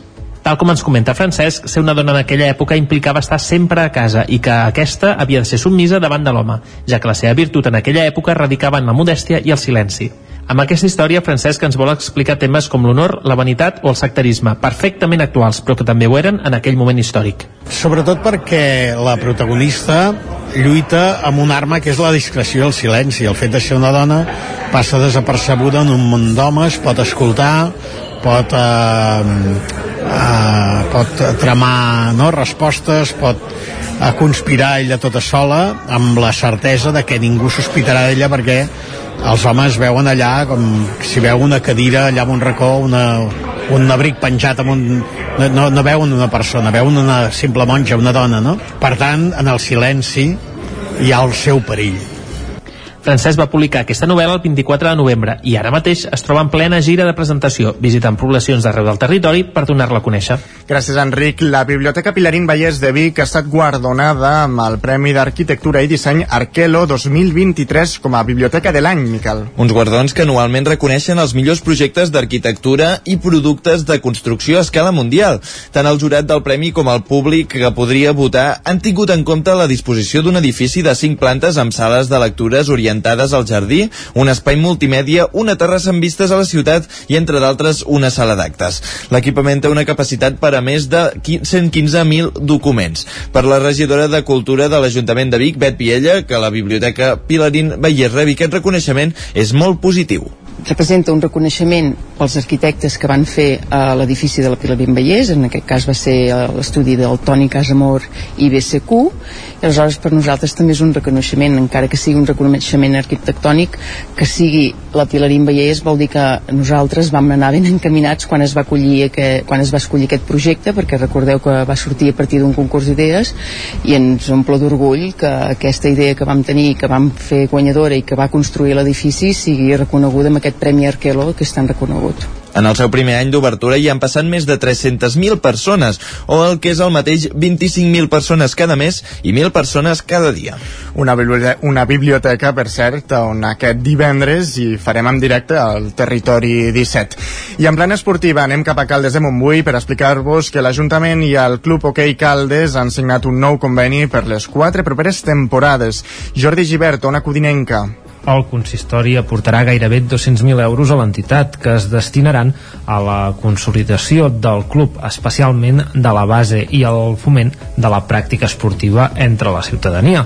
Ajuntament i club van ratificar l'acord ara fa pocs dies. Es tracta del conveni més important entre l'Ajuntament i una entitat, tal i com explica l'alcalde Isidre Pineda. Tracta del conveni més important que té el nostre municipi, el conveni eh, amb una entitat esportiva o no, més, eh, més fort, estem parlant de 47.000 euros anuals i d'alguna manera doncs, eh, posa en valor aquest creixement del, del Club d'Hockey Caldes que, que doncs, ha desenvolupat en aquests darrers anys. eh, en els 4 anys que durarà el conveni, l'Ajuntament aportarà 188.000 euros que es destinaran principalment al desenvolupament de diversos programes esportius i per apropar i fomentar la pràctica de l'esport entre els veïns de Caldes. El club, que actualment té 25 equips i més de 150 jugadors, segueix creixent, no només amb el primer equip masculí, que ja fa 9 temporades que juga a l'Hockey Lliga, sinó també amb un primer equip femení que aquest any buscarà l'ascens a Hockey Lliga femenina i que ja disputa a la Torre Roja algun partit internacional. Pel president del club, Pere Barrios, el conveni és satisfactori, però no n'hi ha prou satisfets, però no en tindrem mai prou, com és lògic, perquè ja sabeu que eh, sí, és la novena temporada que juguem a la, a la Hockey Lliga, cosa que no havia passat mai.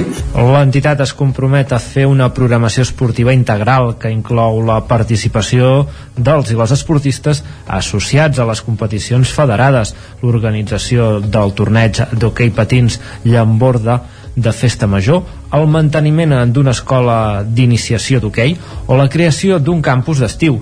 A més, també incorporarà la imatge de promoció turística Caldes és poble que bull, en un punt ben visible del frontal de la samarreta de l'equip i el lateral dels pantalons. Doncs acabem aquí aquest repàs informatiu. Anem a saber ara com està el temps.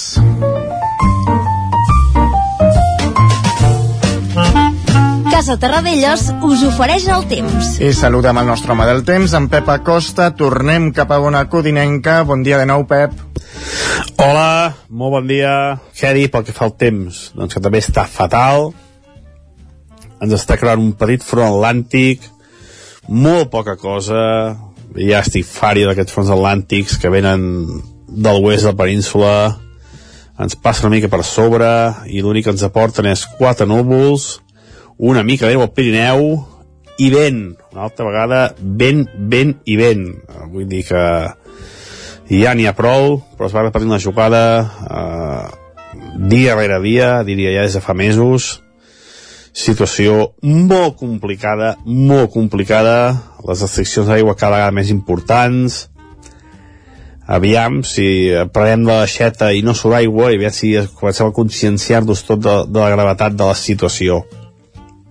Uh, com deia, aquest front deixarà molt poca precipitació, només una mica al Pirineu, ens està escombrant ara mateix, i el que sí que fa és que baixa les temperatures, perquè aquesta nit han sigut amb temperatures molt altes, molt altes per l'època de l'any, màximes de més de 10 graus a molts punts, eh, glaçades molt poc importants al Pirineu, en definitiva unes temperatures del tot, del tot inusuals, uh, que fan por i és que no, no, no, no es pot aguantar més aquesta, aquesta sensació, és impossible d'aguantar uh, de cada pròxims dies molt més de sol uh, cap novetat anticicló és que no, no, no, no, no sé què dir no sé què dir perquè és que és, és, és, és increïble el temps que està fent cap precipitació, temperatures mínimes més baixes i les, els migdies força, força suaus.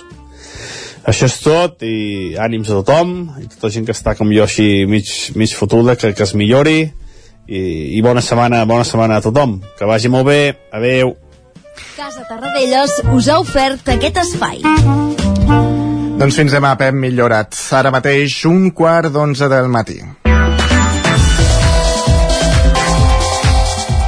Temps pels solidaris. Avui Laura Serrat conversa amb Débora Díaz, regidora de Benestar Social de l'Ajuntament de Sant Julià de Vilatorta, per parlar-nos sobre les polítiques socials d'aquest municipi.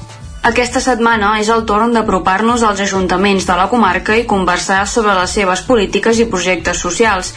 Avui ens desplacem a Sant Julià de Vilatorta, on, de la mà de Débora Díaz, regidora de Benestar Social i gent gran del municipi, parlem sobre els plans previstos al llarg d'aquest mandat. Ho fem, com sempre, des de Ràdio Vic i a través de l'antena del Territori 17. Abans de res, ens pot fer 5 cèntims sobre la seva trajectòria professional fins a arribar al consistori? Vaig estudiar informàtica, encara que no he exercit, no m'ha agradat. Llavors vaig estar amb el món administratiu, atenció al públic és el que més, és el que més he tocat, administració d'empreses, i abans d'arribar al consistori doncs vaig estar treballant just al casal d'avis d'aquí Sant Julià. Encara que sóc mare i que tinc tres canalles, la gent gran sempre, sempre m'ha agradat perquè bueno, he tingut un vincle i tinc un vincle molt especial amb els meus avis, que encara tinc una àvia que és viva, doncs m'ho van proposar, un grup de gent doncs, el qual ja coneixia, em vaig engressar perquè em va fer molta il·lusió doncs, tot el programa, tot el projecte que portàvem i la il·lusió amb el qual vam fer tota la campanya electoral. És el meu primer mandat. Per tant, quines han estat les primeres accions que ha pres en el sector social des que va assumir el càrrec? Hem ampliat l'horari del centre de dia, que moltes famílies doncs, necessitaven que el centre, en comptes d'obrir a les 9, es pogués obrir a tres quarts de 9 per poder deixar els avis i llavors podem marxar a treballar. El projecte més gran que tenim en marxa, la residència, que s'han escoltat a parlar a tot arreu de la residència de Sant Julià, aquest és el projecte més gran que tenim avui dia a les mans. El 31 de desembre de 2025 això ha d'estar executat, per la meva part el que més m'implica, a part de que s'acabi la residència com a edifici, que ja hi ha el projecte i ja tenim els planos en marxa de lo que es farà, és moure la pista de lloc, perquè tenim una pista on hi anirà ara la residència, que és molt important pel jovent i per la canalla d'aquest poble, perquè es fa molt d'ús. Llavors ara estem valorant on podem traslladar aquesta pista el més ràpid possible. I jo sobretot vetllar per, per la gent gran d'aquesta residència, vetllar perquè hi hagi les màximes places possibles per la gent del nostre poble, ja que la residència serà aquí, i que sobretot el servei que s'ofereixi en aquesta residència sigui un servei de la màxima qualitat pels nostres avis o pels avis que bueno, tinguin plaça i vinguin de, vinguin de fora. I en tema educació, doncs ara la màxima prioritat és vetllar per poder aconseguir més vetlladores i vetlladors a l'escola. Uh, estem en un punt doncs, que necessitem i sobretot el professorat necessita ajuda en aquest sentit. És molt difícil, jo sé que el departament doncs, dona X hores, que no n'hi ha més, que últimament doncs, bueno, hi ha moltes retallades i que el sistema econòmic doncs, no ens ajuda tot el que hauria d'ajudar, però per això està l'Ajuntament per intentar buscar unes vies de solucions i subvencions per poder doncs, donar sobretot més vetlladores i vetlladors a el que són les escoles. En aquest sentit, també, no sé si hi ha algun projecte en l'àmbit solidari i, en cas afirmatiu, si hi ha alguna col·laboració establerta amb altres institucions o organitzacions d'aquest àmbit social. Doncs sempre, per exemple, col·laborem amb la Marató, que cada any, sempre hem col·laborat amb la Marató, aquest any també. Ja tenim certes propostes de, de tallers per poder col·laborar-hi. Aquest any també el que volem fer és una xocolatada solidària, participant amb l'Hospital Sant Joan de Déu, i que tots aquests diners vagin destinats doncs, a aquests pacients, involucrant tant l'escola pública com la privada, que tot s'ha de dir que la concertada, perdó, que és el Roser, ja ho feia d'altres anys, però a nivell més tancat, i ara estem intentant doncs, poder fer una xocolatada solidària amb les altres escoles. També participem molt amb la donació de sang, també la nostra alcaldessa està molt ficada amb el tema del càncer d'aquí d'Osona. Hi ha un grupet d'aquí al poble doncs, que està molt implicat a fer xerrades i a fer sessions i a fer esdeveniments. Vam fer un conveni amb la Universitat de Vic, l'Ajuntament i l'AXCO perquè les persones disminuïdes no se'ls acabi la vida dels 21 anys, que és quan deixen d'anar a algun centre especialitzat, sinó que es puguin seguir formant i puguin tenir una vida, una vida més enllà de quedar-se a casa. Hi ha un, un noi d'aquest poble que ha començat a la Universitat de Vic, ha començat no una carrera, sinó unes assignatures específiques que no han escollit. Això beneficiarà tant els alumnes de la Universitat de Vic que estan estudiant magisteri, com aquest alumne que anirà a estudiar i entre tots doncs, bueno, serà un win-win per ells poder aprendre, el professorat també i aquest noi poder-li donar pues, una oportunitat de poder seguir estudiant. I llavors l'Ajuntament amb això ha col·laborat a que pugui tenir pues, unes hores de vetllador que el pugui acompanyar en aquestes hores que sigui a la Universitat de Vic, eh, de Vic estudiant. Quines creu que són, doncs, les necessitats més urgents de la seva comunitat? Per la meva regidoria pues, seria la gent gran que no té com desplaçar-se, per exemple, al centre de dia. És una de les coses més urgents que tinc a mà, que haig de tractar perquè molta gent gran té algun cuidador o cuidadora. Si aquell dia plou que banca tira de rodes no, no el poden portar.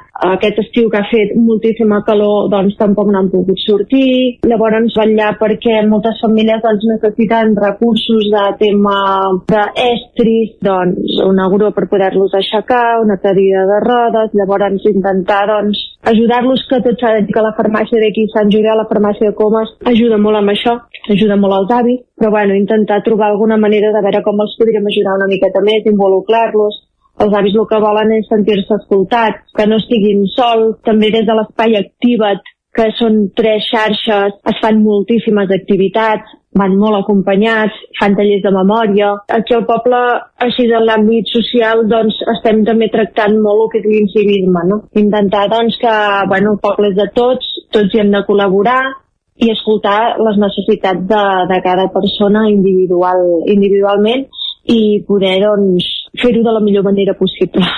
Comentava que s'acaba d'estrenar com a regidora. Fins ara, quins han estat els reptes que ha trobat en la gestió d'aquest sector social?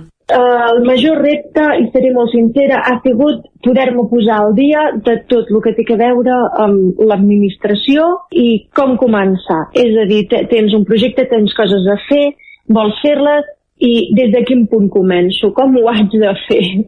amb qui m'haig de posar en contacte? Si començo així ho faré bé, hi ha coses que van, van molt d'estatuts, de base, Llavors, posar-se més al dia, encara que tenim una secretària interventora que és qui ho gestiona tot i fa moltíssima feina, però nosaltres com a regidor, doncs, bueno, a vegades és depèn una mica delegar que t'ajudin, que per això tenim uns grans tècnics que ens ajuden, Però bueno, suposo que venim des del punt de vista que venim com a ciutadà i com a poble i bueno, ens agrada fer-ho ens agrada fer-ho nosaltres. Per tant, a vegades doncs, és saber una miqueta per on començar, aquest és el major repte, si ho estàs fent bé, no ho estàs fent bé. Jo crec que per mi és aquest el major repte, no? Saber que, que el camí que he escollit per fer aquella cosa, aquella acció, ho estic fent bé, és el correcte i que clar, que ningú em dirà que el que estic fent al final estàs una miqueta a la vista de tothom i tothom jutja no? a vegades quan fas les coses i, i bueno, aquest és, és el meu major repte que, que quan prengui la decisió de fer una acció o un projecte que realment ho faci bé, que no, no m'equivoqui. I en relació amb aquesta gestió, el finançament també juga un paper important. Quines col·laboracions cerca per recolzar aquestes iniciatives en el sector social?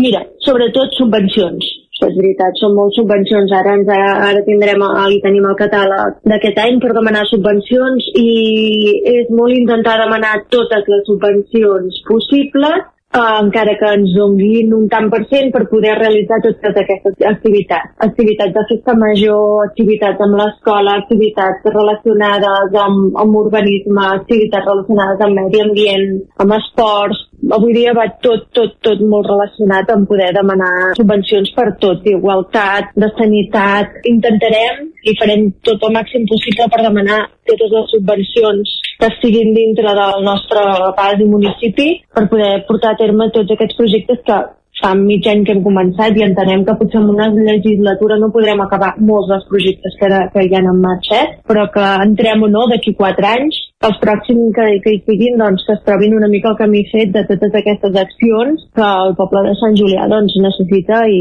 que farem tot el màxim possible. En aquest sentit, creu que fan falta més recursos per arribar a cobrir tota la demanda d'ajuda social? I tant fan falta molts, molts més recursos i avui dia el que estan passant és que molts d'aquests recursos cada cop els estan retallant més. Jo puc parlar des d'ensenyament, que se'ls retalla molt. La reivindicació, per exemple, de les, de les mestres de les llars d'infants, sanitat, més recursos en temes d'estris de, i sobretot de, de treballadors. Jo crec que és molt important i que amb la pandèmia que hem viscut ho hem patit, no? Ho, ho han patit aquest sector. Llavors, doncs sí que entenc de primera mà que necessitem molt, molts recursos per poder fer, ja no gran coses, eh, sinó petites coses que necessita eh, les persones del dia a dia. De cara al futur, quins projectes li agradaria veure complerts un cop acabi aquest mandat? Principalment el projecte de la residència és el que aquest sí que estarà acabat i desitjo que estigui acabat i que estigui molt ben acabat la pista sobretot que és una cosa molt important pels joves. Altres projectes que tenim encetats, doncs, bueno, hi ha tot el tema de la mobilitat, és un tema també una mica complicat, és, un, és no complicat però que sí, s'ha de veure des d'una visió molt àmplia aquest projecte per saber com encarar-lo. Projectes així grans, grans ara mateix que tinguem a les mans, no, l'únic que estem fent de moment és posar-nos al dia i intentar doncs que cada projecte petit que ha sortit, per molt petit que surti, doncs dur-ho a terme. Anar cara a barraca i aconseguir amb petites coses grans resultats. Ara mateix dir-te un projecte molt gran no, no el tenim, el més que tenim i el que més ens preocupa és la residència, perquè han lluitat molt i és el que nosaltres doncs, continuarem tirant endavant fins que acabi el nostre mandat. I mirant el més enllà possible cap al futur, quin seria el futur ideal que s'imagina per la seva comunitat? El nostre futur ideal seria poder comptar amb moltes més ajudes per poder ajudar moltes més famílies sense recursos i ja no parlo només econòmics sinó de molts altres àmbits. Poder ajudar molt al jovent crec que és una part molt important poder ajudar al, jovent, encarar-lo en molts temes, ja no només ara que ha vingut el boom de la, bueno, del, del el nou FM, la ràdio de casa, al 92.8. M'encanta regalar llibres de la llibreria Mater. Tenen novel·les que et fan viatjar a mons desconeguts, poesia que et fa sentir cada paraula, assaig que et fan reflexionar i contes infantils que fan volar la imaginació dels més petits. M'agrada regalar agendes, quaderns, bolígrafs i calendaris de la llibreria Mater. Si busques un regal original, no busquis més. Tenen una àmplia selecció de regals de papereria que segur que els encantarà. Llibreria i papereria Mater, seleccionant el que farà feliç als teus des de 1957. Pla de Balanyà 23 de Vic. Per a qui seria perfecte aquest piano de jugueto? Per a nens que donin la nota. I aquest maletí de pintura? Pels que volen pintar alguna cosa a la vida. Jugar és viure. I viure és jugar. Vine a la teva botiga Juguetos i emporta't el catàleg de Nadal. Juguetos. Queda molt per jugar. Juguetos.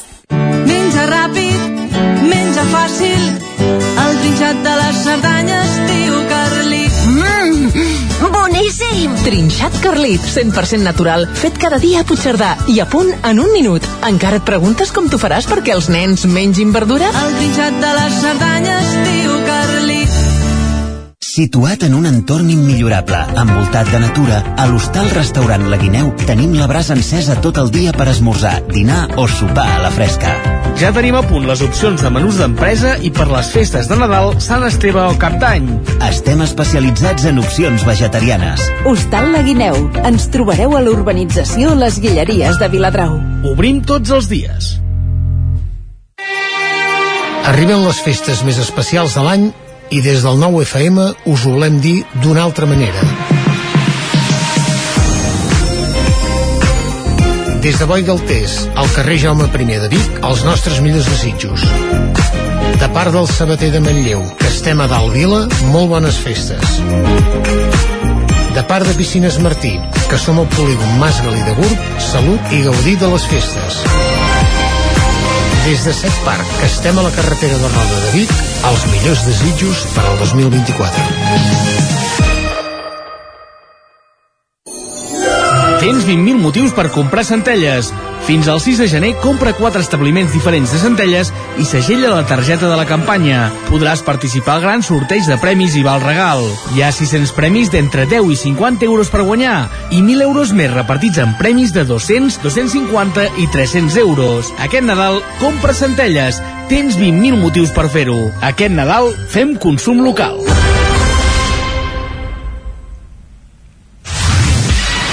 Nou FM, el nou FM, el nou FM, el nou FM. En punt, ara dos quarts d'onze, al territori 17.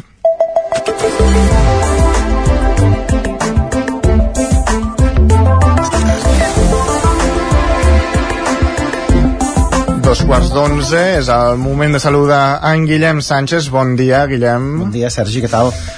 Doncs aquí estem, a veure què has trobat avui a, a Twitter. Mira, jo et volia demanar, primer de tot, no sé si aquest desembre ja has de fer alguna activitat típica d'aquelles de, de Nadal, de, no sé... Alguna fireta... Alguna fireta, no? No, encara no. Doncs mira, jo et convido a visitar les pistes de gel de la comarca d'Osona. Sí, a veure.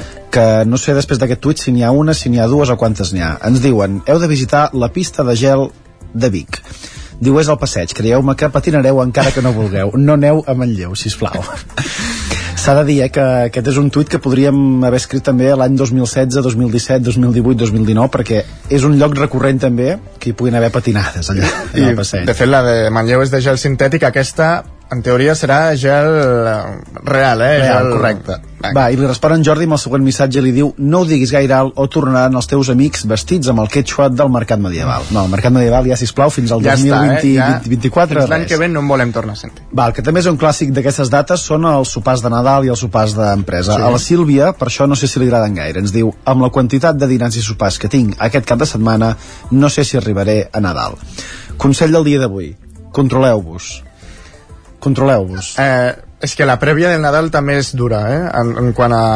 Vigileu amb el menjar, vigileu amb la beguda i amb la quantitat de vegades que repetiu de menjar i de beguda. Perquè Sí. llavors l'àpat bo és el del dia 24, del dia 25 i aquests s'han de, de gaudir. aquests s'han de fer, vamos, uh, Al 100%. però clar, la prèvia s'ha de controlar. Eh? Va, i mireu quin missatge també ens comparteix l'Àlex, en aquest sentit, diu desapuntant-me del sopar de Nadal de l'empresa lo suficientment aviat com perquè vegin que no hi vaig perquè no en tinc cap ganes i lo suficientment tard com perquè els resulti una molèstia donar-me de baixa, diu, la meva especialitat.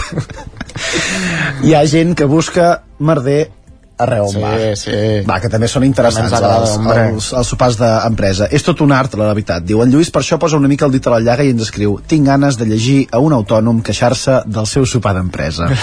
No hi entrarem aquí. No. I espero que no us trobeu igual que en Nil, que ens diu el sopar d'empresa serà en un italià que oferien pasta amb tomàquet. Diu, i la parrillada de verdures cutre, clar. Diu, qui els va parir?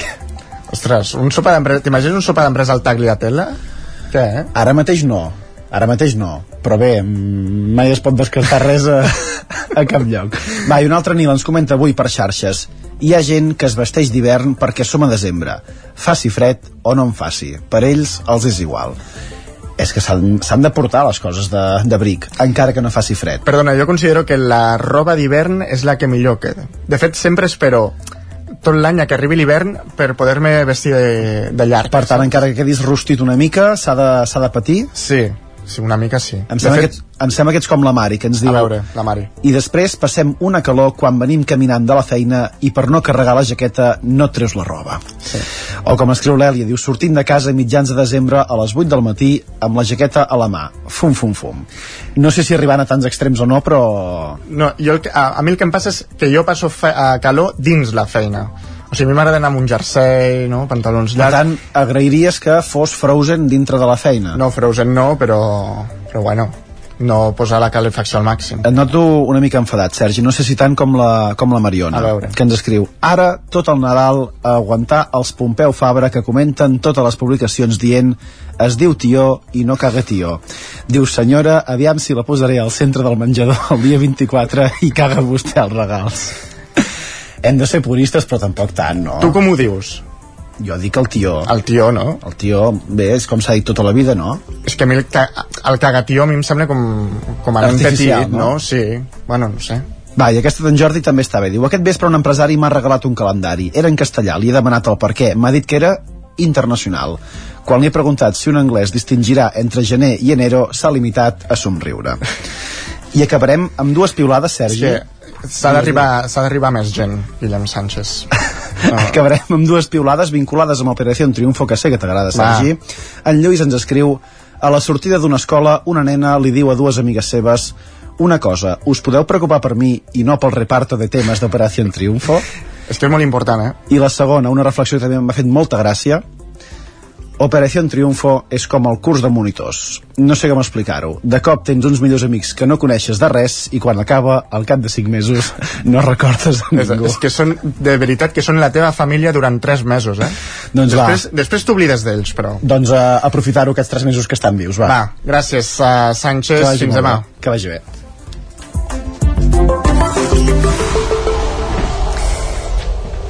I ara és moment del podcast Paraula d'Enfrunt, l'espai de llengua, on l'Isaac Moreno conversa precisament amb Cristina Enfruns.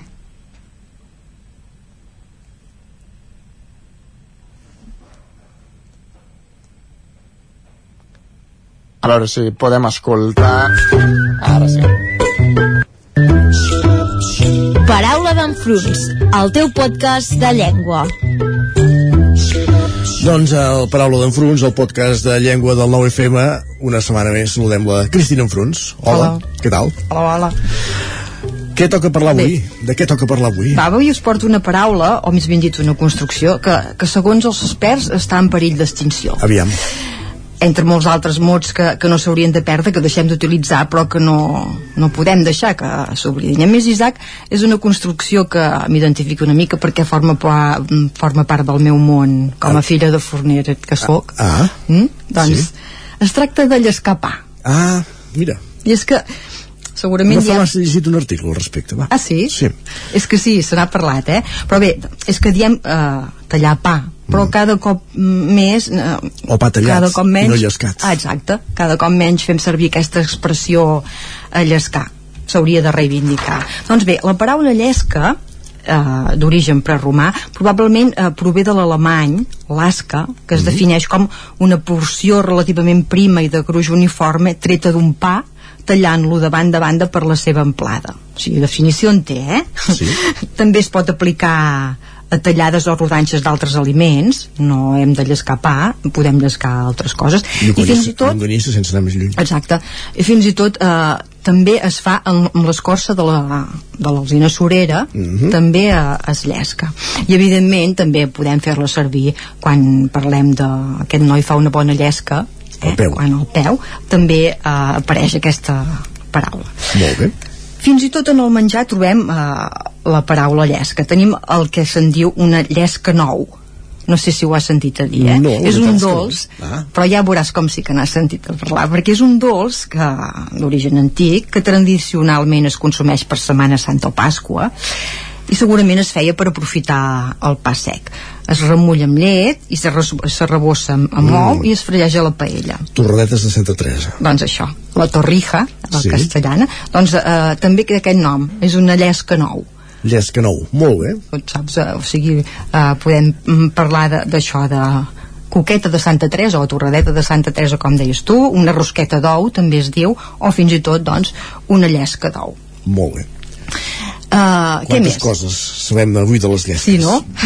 doncs mira, t'emporto unes quantes curiositats que fan gràcia. Doncs ja. uh, per exemple, una que diu que uh, hi ha una imatge que segurament ja se- s'està perdent que en el moment que es havia de ara perquè no ho fem massa de llescar pa però en el moment que s'havia d'encetar un pa Sí. amb la punta del ganivet es feia una imaginària creu a sota no Correcte, sé si sí. tu ho, Ho havia vist. ho havies vist mai tant, eh? sí, sí. doncs era, era el fet aquest d'assenyar el pa Mhm. per invocar la bona sort diuen eh? Molt bé. Uh, i una mica en to irònic s'escriu que al darrere de la desaparició de, de molts costums tradicionals com és aquest de, de tallar pa hi ha un llescar pa hi ha un component tecnològic i és el cas que s'ocupa ens diria o sigui, podem dir que el que en va tenir la millor responsabilitat del fet aquest que no llesquem pa eh, és un tal senyor Gavarró Mm. que és el fabricant de les màquines aquestes de llescar pa que hi ha la majoria de forns i fleques doncs Correcte. aquest és el que ens ha fet perdre aquest, això Sí, però de- el fet que, que hi hagi la màquina no vol dir que no es llesqui. Uh, el problema és que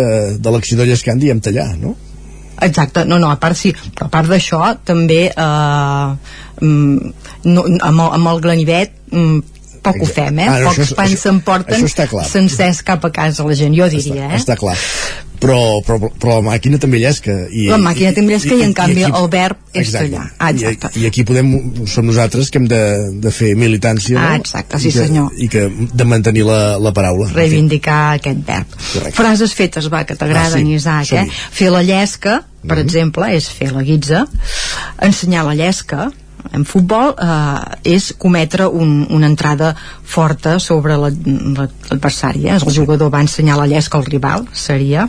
Sí. O, un parell de refranys, enllescar el pas coneix la madrastra, mm. es diu quan algú defensa el que és seu. Mm. Bona vida la del ca, si es podia llescar el pa, per exemple, o qui no sap llescar el pa no se'l sap guanyar, per exemple. Important. Sí, sí.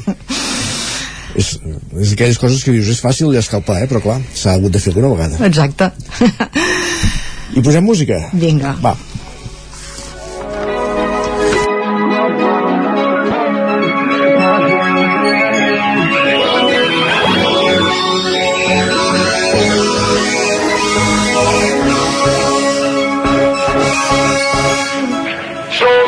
El pol sud es va fondre ja fa 20 anys No existeix l'hivern i no baixem de 30 graus perdut aquesta gran batalla Almenys l'únic bosc que té arrasat ja tiene playa. La realitat virtual se'ns va anar de les mans La gent torna a la vida real quan vol desconnectar De vacances a la lluna quan arriba l'agost Han posat tres hotels cada un amb un camp de golf.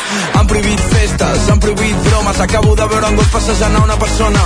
Ja no tinc finestres, és una pantalla LED Diu encara permet veure el món en 3D Lil Dami va deixar de fer concerts el 2028 Diuen que es va jubilar però mai es va fer ric. La Mariona ho ha patat en què li va fer un carrer I el Sen ha produït el nou àlbum del fill de Kanye West. No saben com arribaré. Vaig cap endavant, jo no paro, no. El poquet que tinc tot és de debò. Tinc un maquinot i pots venir amb mi. On el temps no té sentit On el teu rellotge ja no fa tic On metim les coses d'aquí a l'infinit I pots venir amb mi Ens, poses, ens portes música al quart, eh, Cristina? A veure, s'ha de tocar tot. Ah, això està No? bé. Però algú dirà, home, però aquesta cançó ja és vella, que és de l'any 2021, és veritat. Sí, en té, de, en té de noves, eh? Sí que és veritat que ja no sé una d'edat. Bé, però aquesta... Passa que aquesta és de, de l'època pre-eufòria, quan encara no era tan... Encara no era tan famós, exacte. Sí, sí, senyor.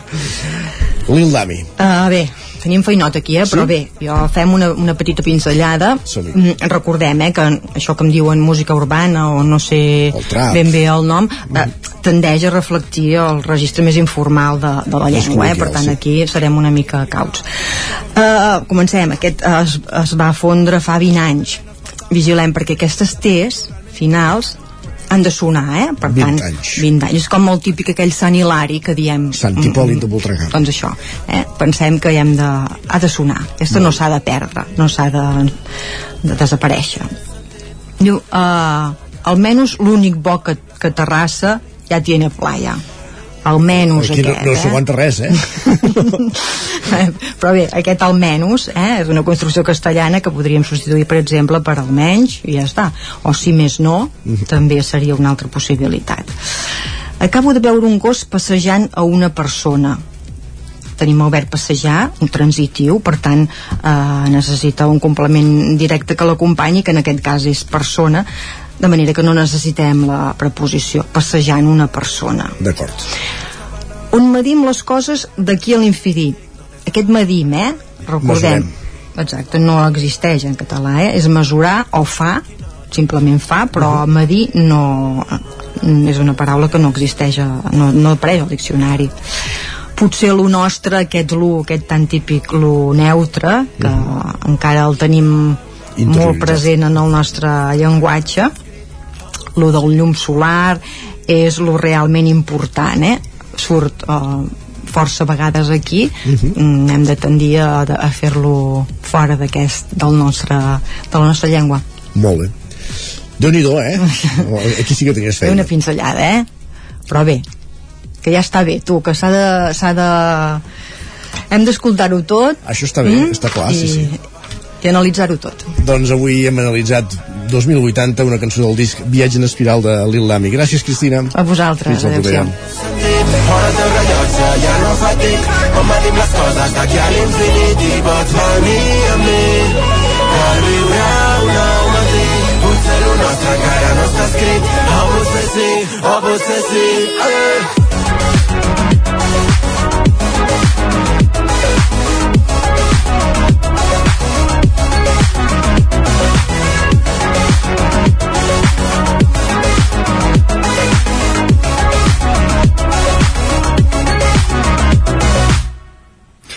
Gràcies, Cristina, gràcies, Isaac. Eh, I ara arribarem al final del territori 17 amb el Lletra Ferits. I allà a la veu de Sant Joan ja ens espera un altre cop l'Isaac Muntades, que avui ens parlarà d'un llibre dedicat a la vall de Camprodon. Bon dia de nou, Isaac.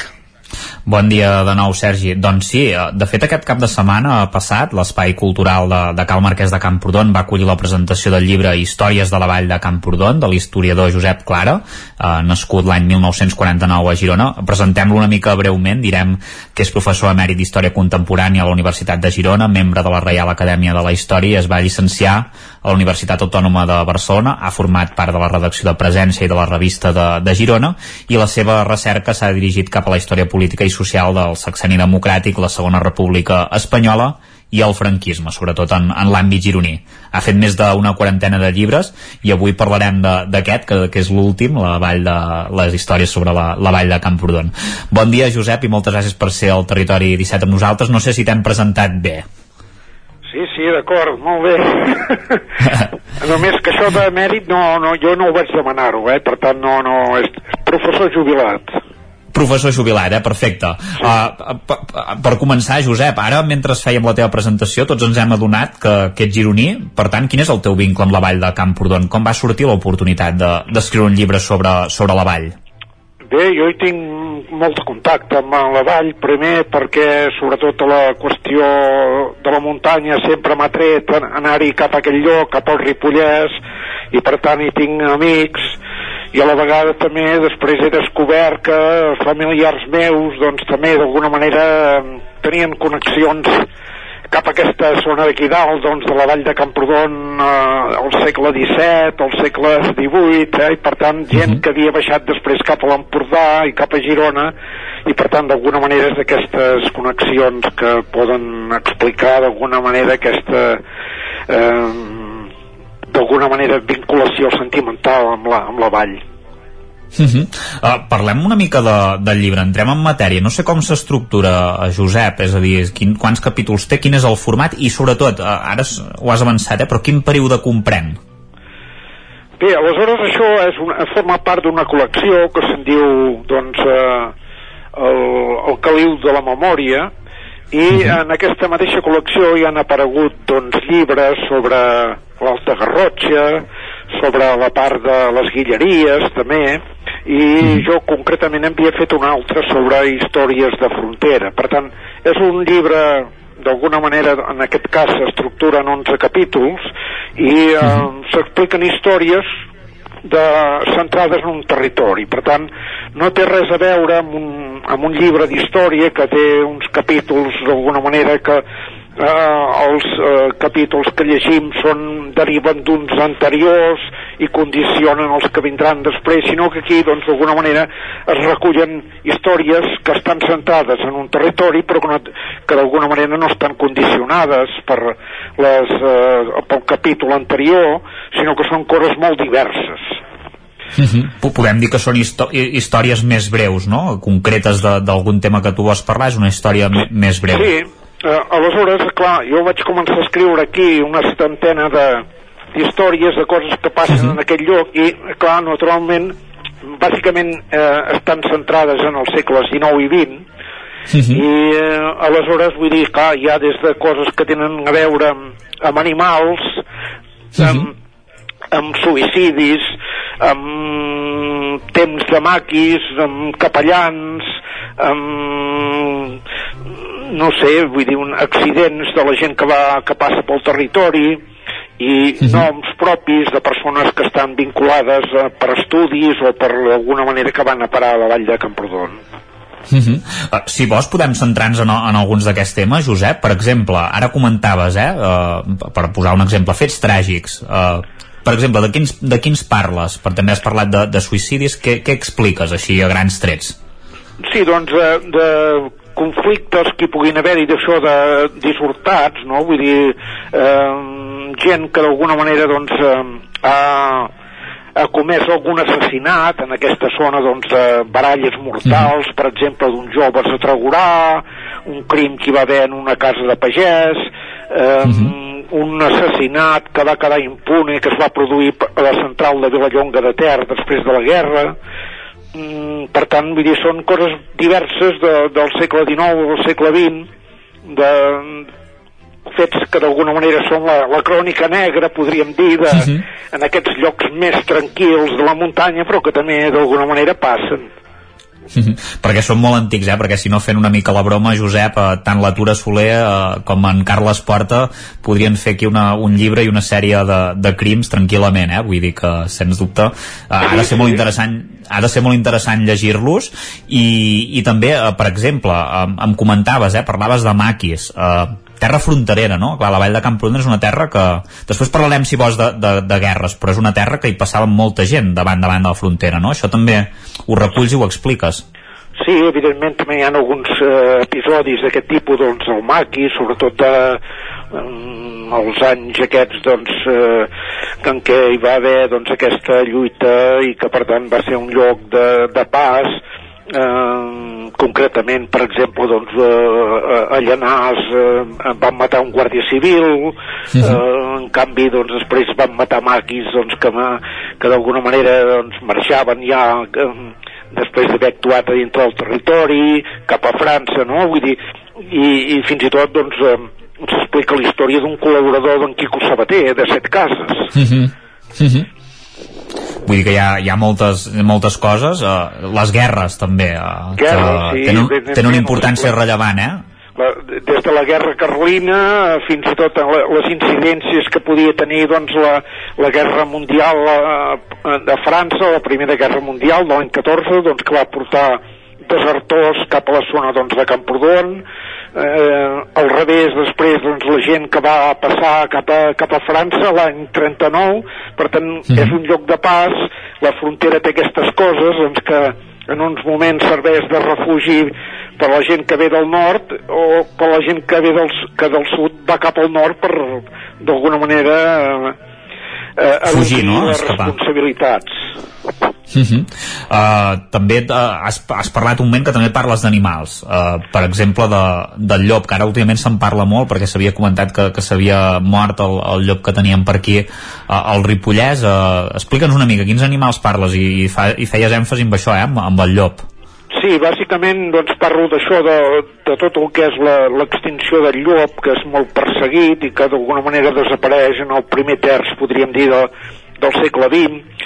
Després també hi ha, doncs, d'alguna manera, aquests eh, animals que són caçats per aquí, que són els isards, eh, i fins i tot doncs, parlo dels, dels coloms missatgers que van servir eh, en la inauguració del refugi d'Ull de eh, o bé d'un jesuïta que buscava papallones, per tant, hi ha molta cosa variada en aquest sentit d'animals i fins i tot d'un os que va ser vist i no vist gairebé en un, en un moment determinat del segle XX.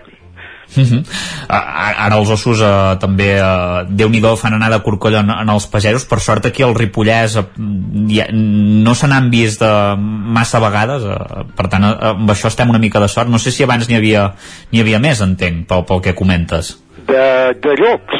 D'ossos, d'ossos. Ah, d'ossos, no, eh, clar, és una cosa molt més, diguéssim, Clar. eh, reduïda i per tant és allò una, una casualitat de trobar-ne un, no? Per tant, al segle XX eh, els ossos més eh, queden més, diguéssim, cap al Pirineu central eh, i per tant a la zona de l'Arieja i aquí vull dir, clar, allò alguns que, algú que en veu un doncs eh, a la zona de, de Carançà o la zona aquesta doncs de per aquí dalt el, la zona de Molló però bé, bé molt poca cosa eh? vull dir que no Uh -huh.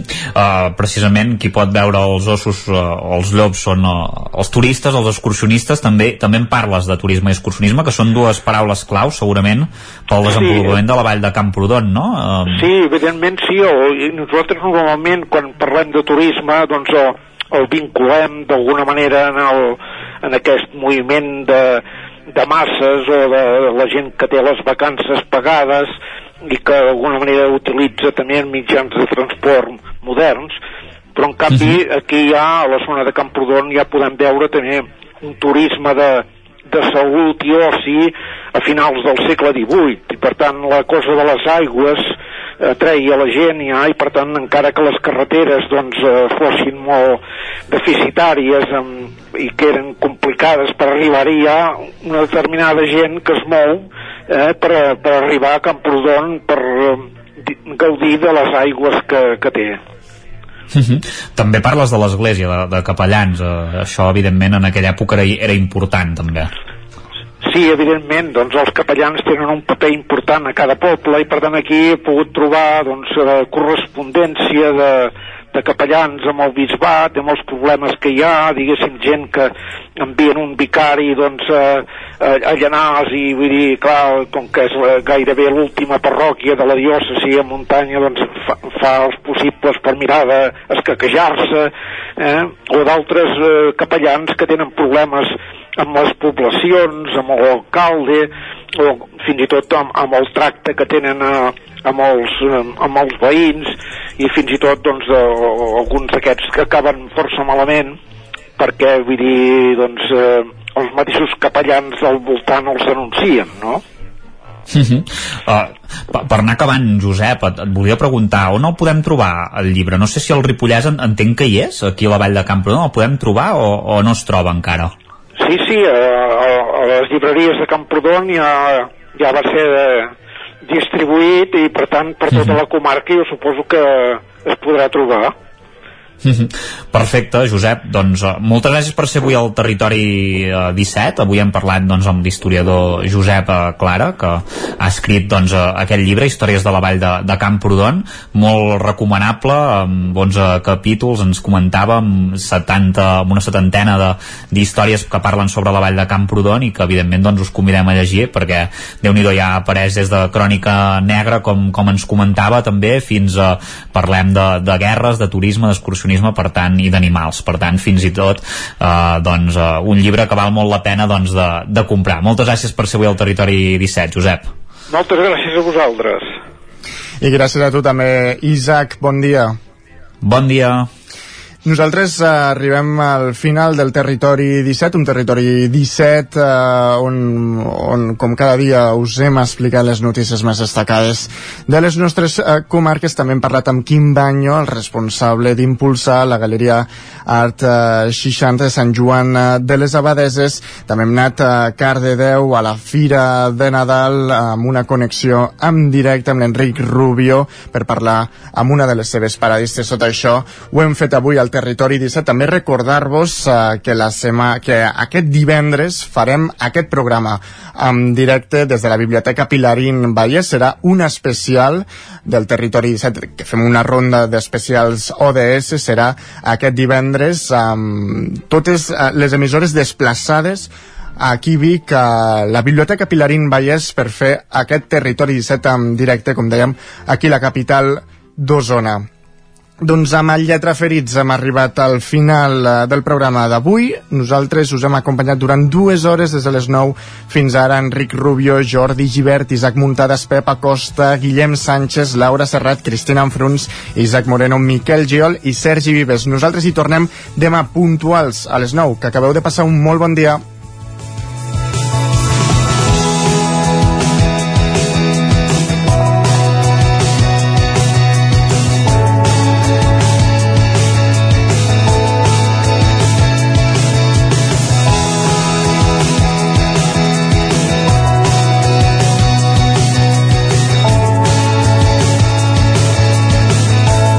Territori 17, un magazín del nou FM, Ona Codinenca, Ràdio Cardedeu, Ràdio Vic i La Veu de Sant Joan, amb el suport de la xarxa.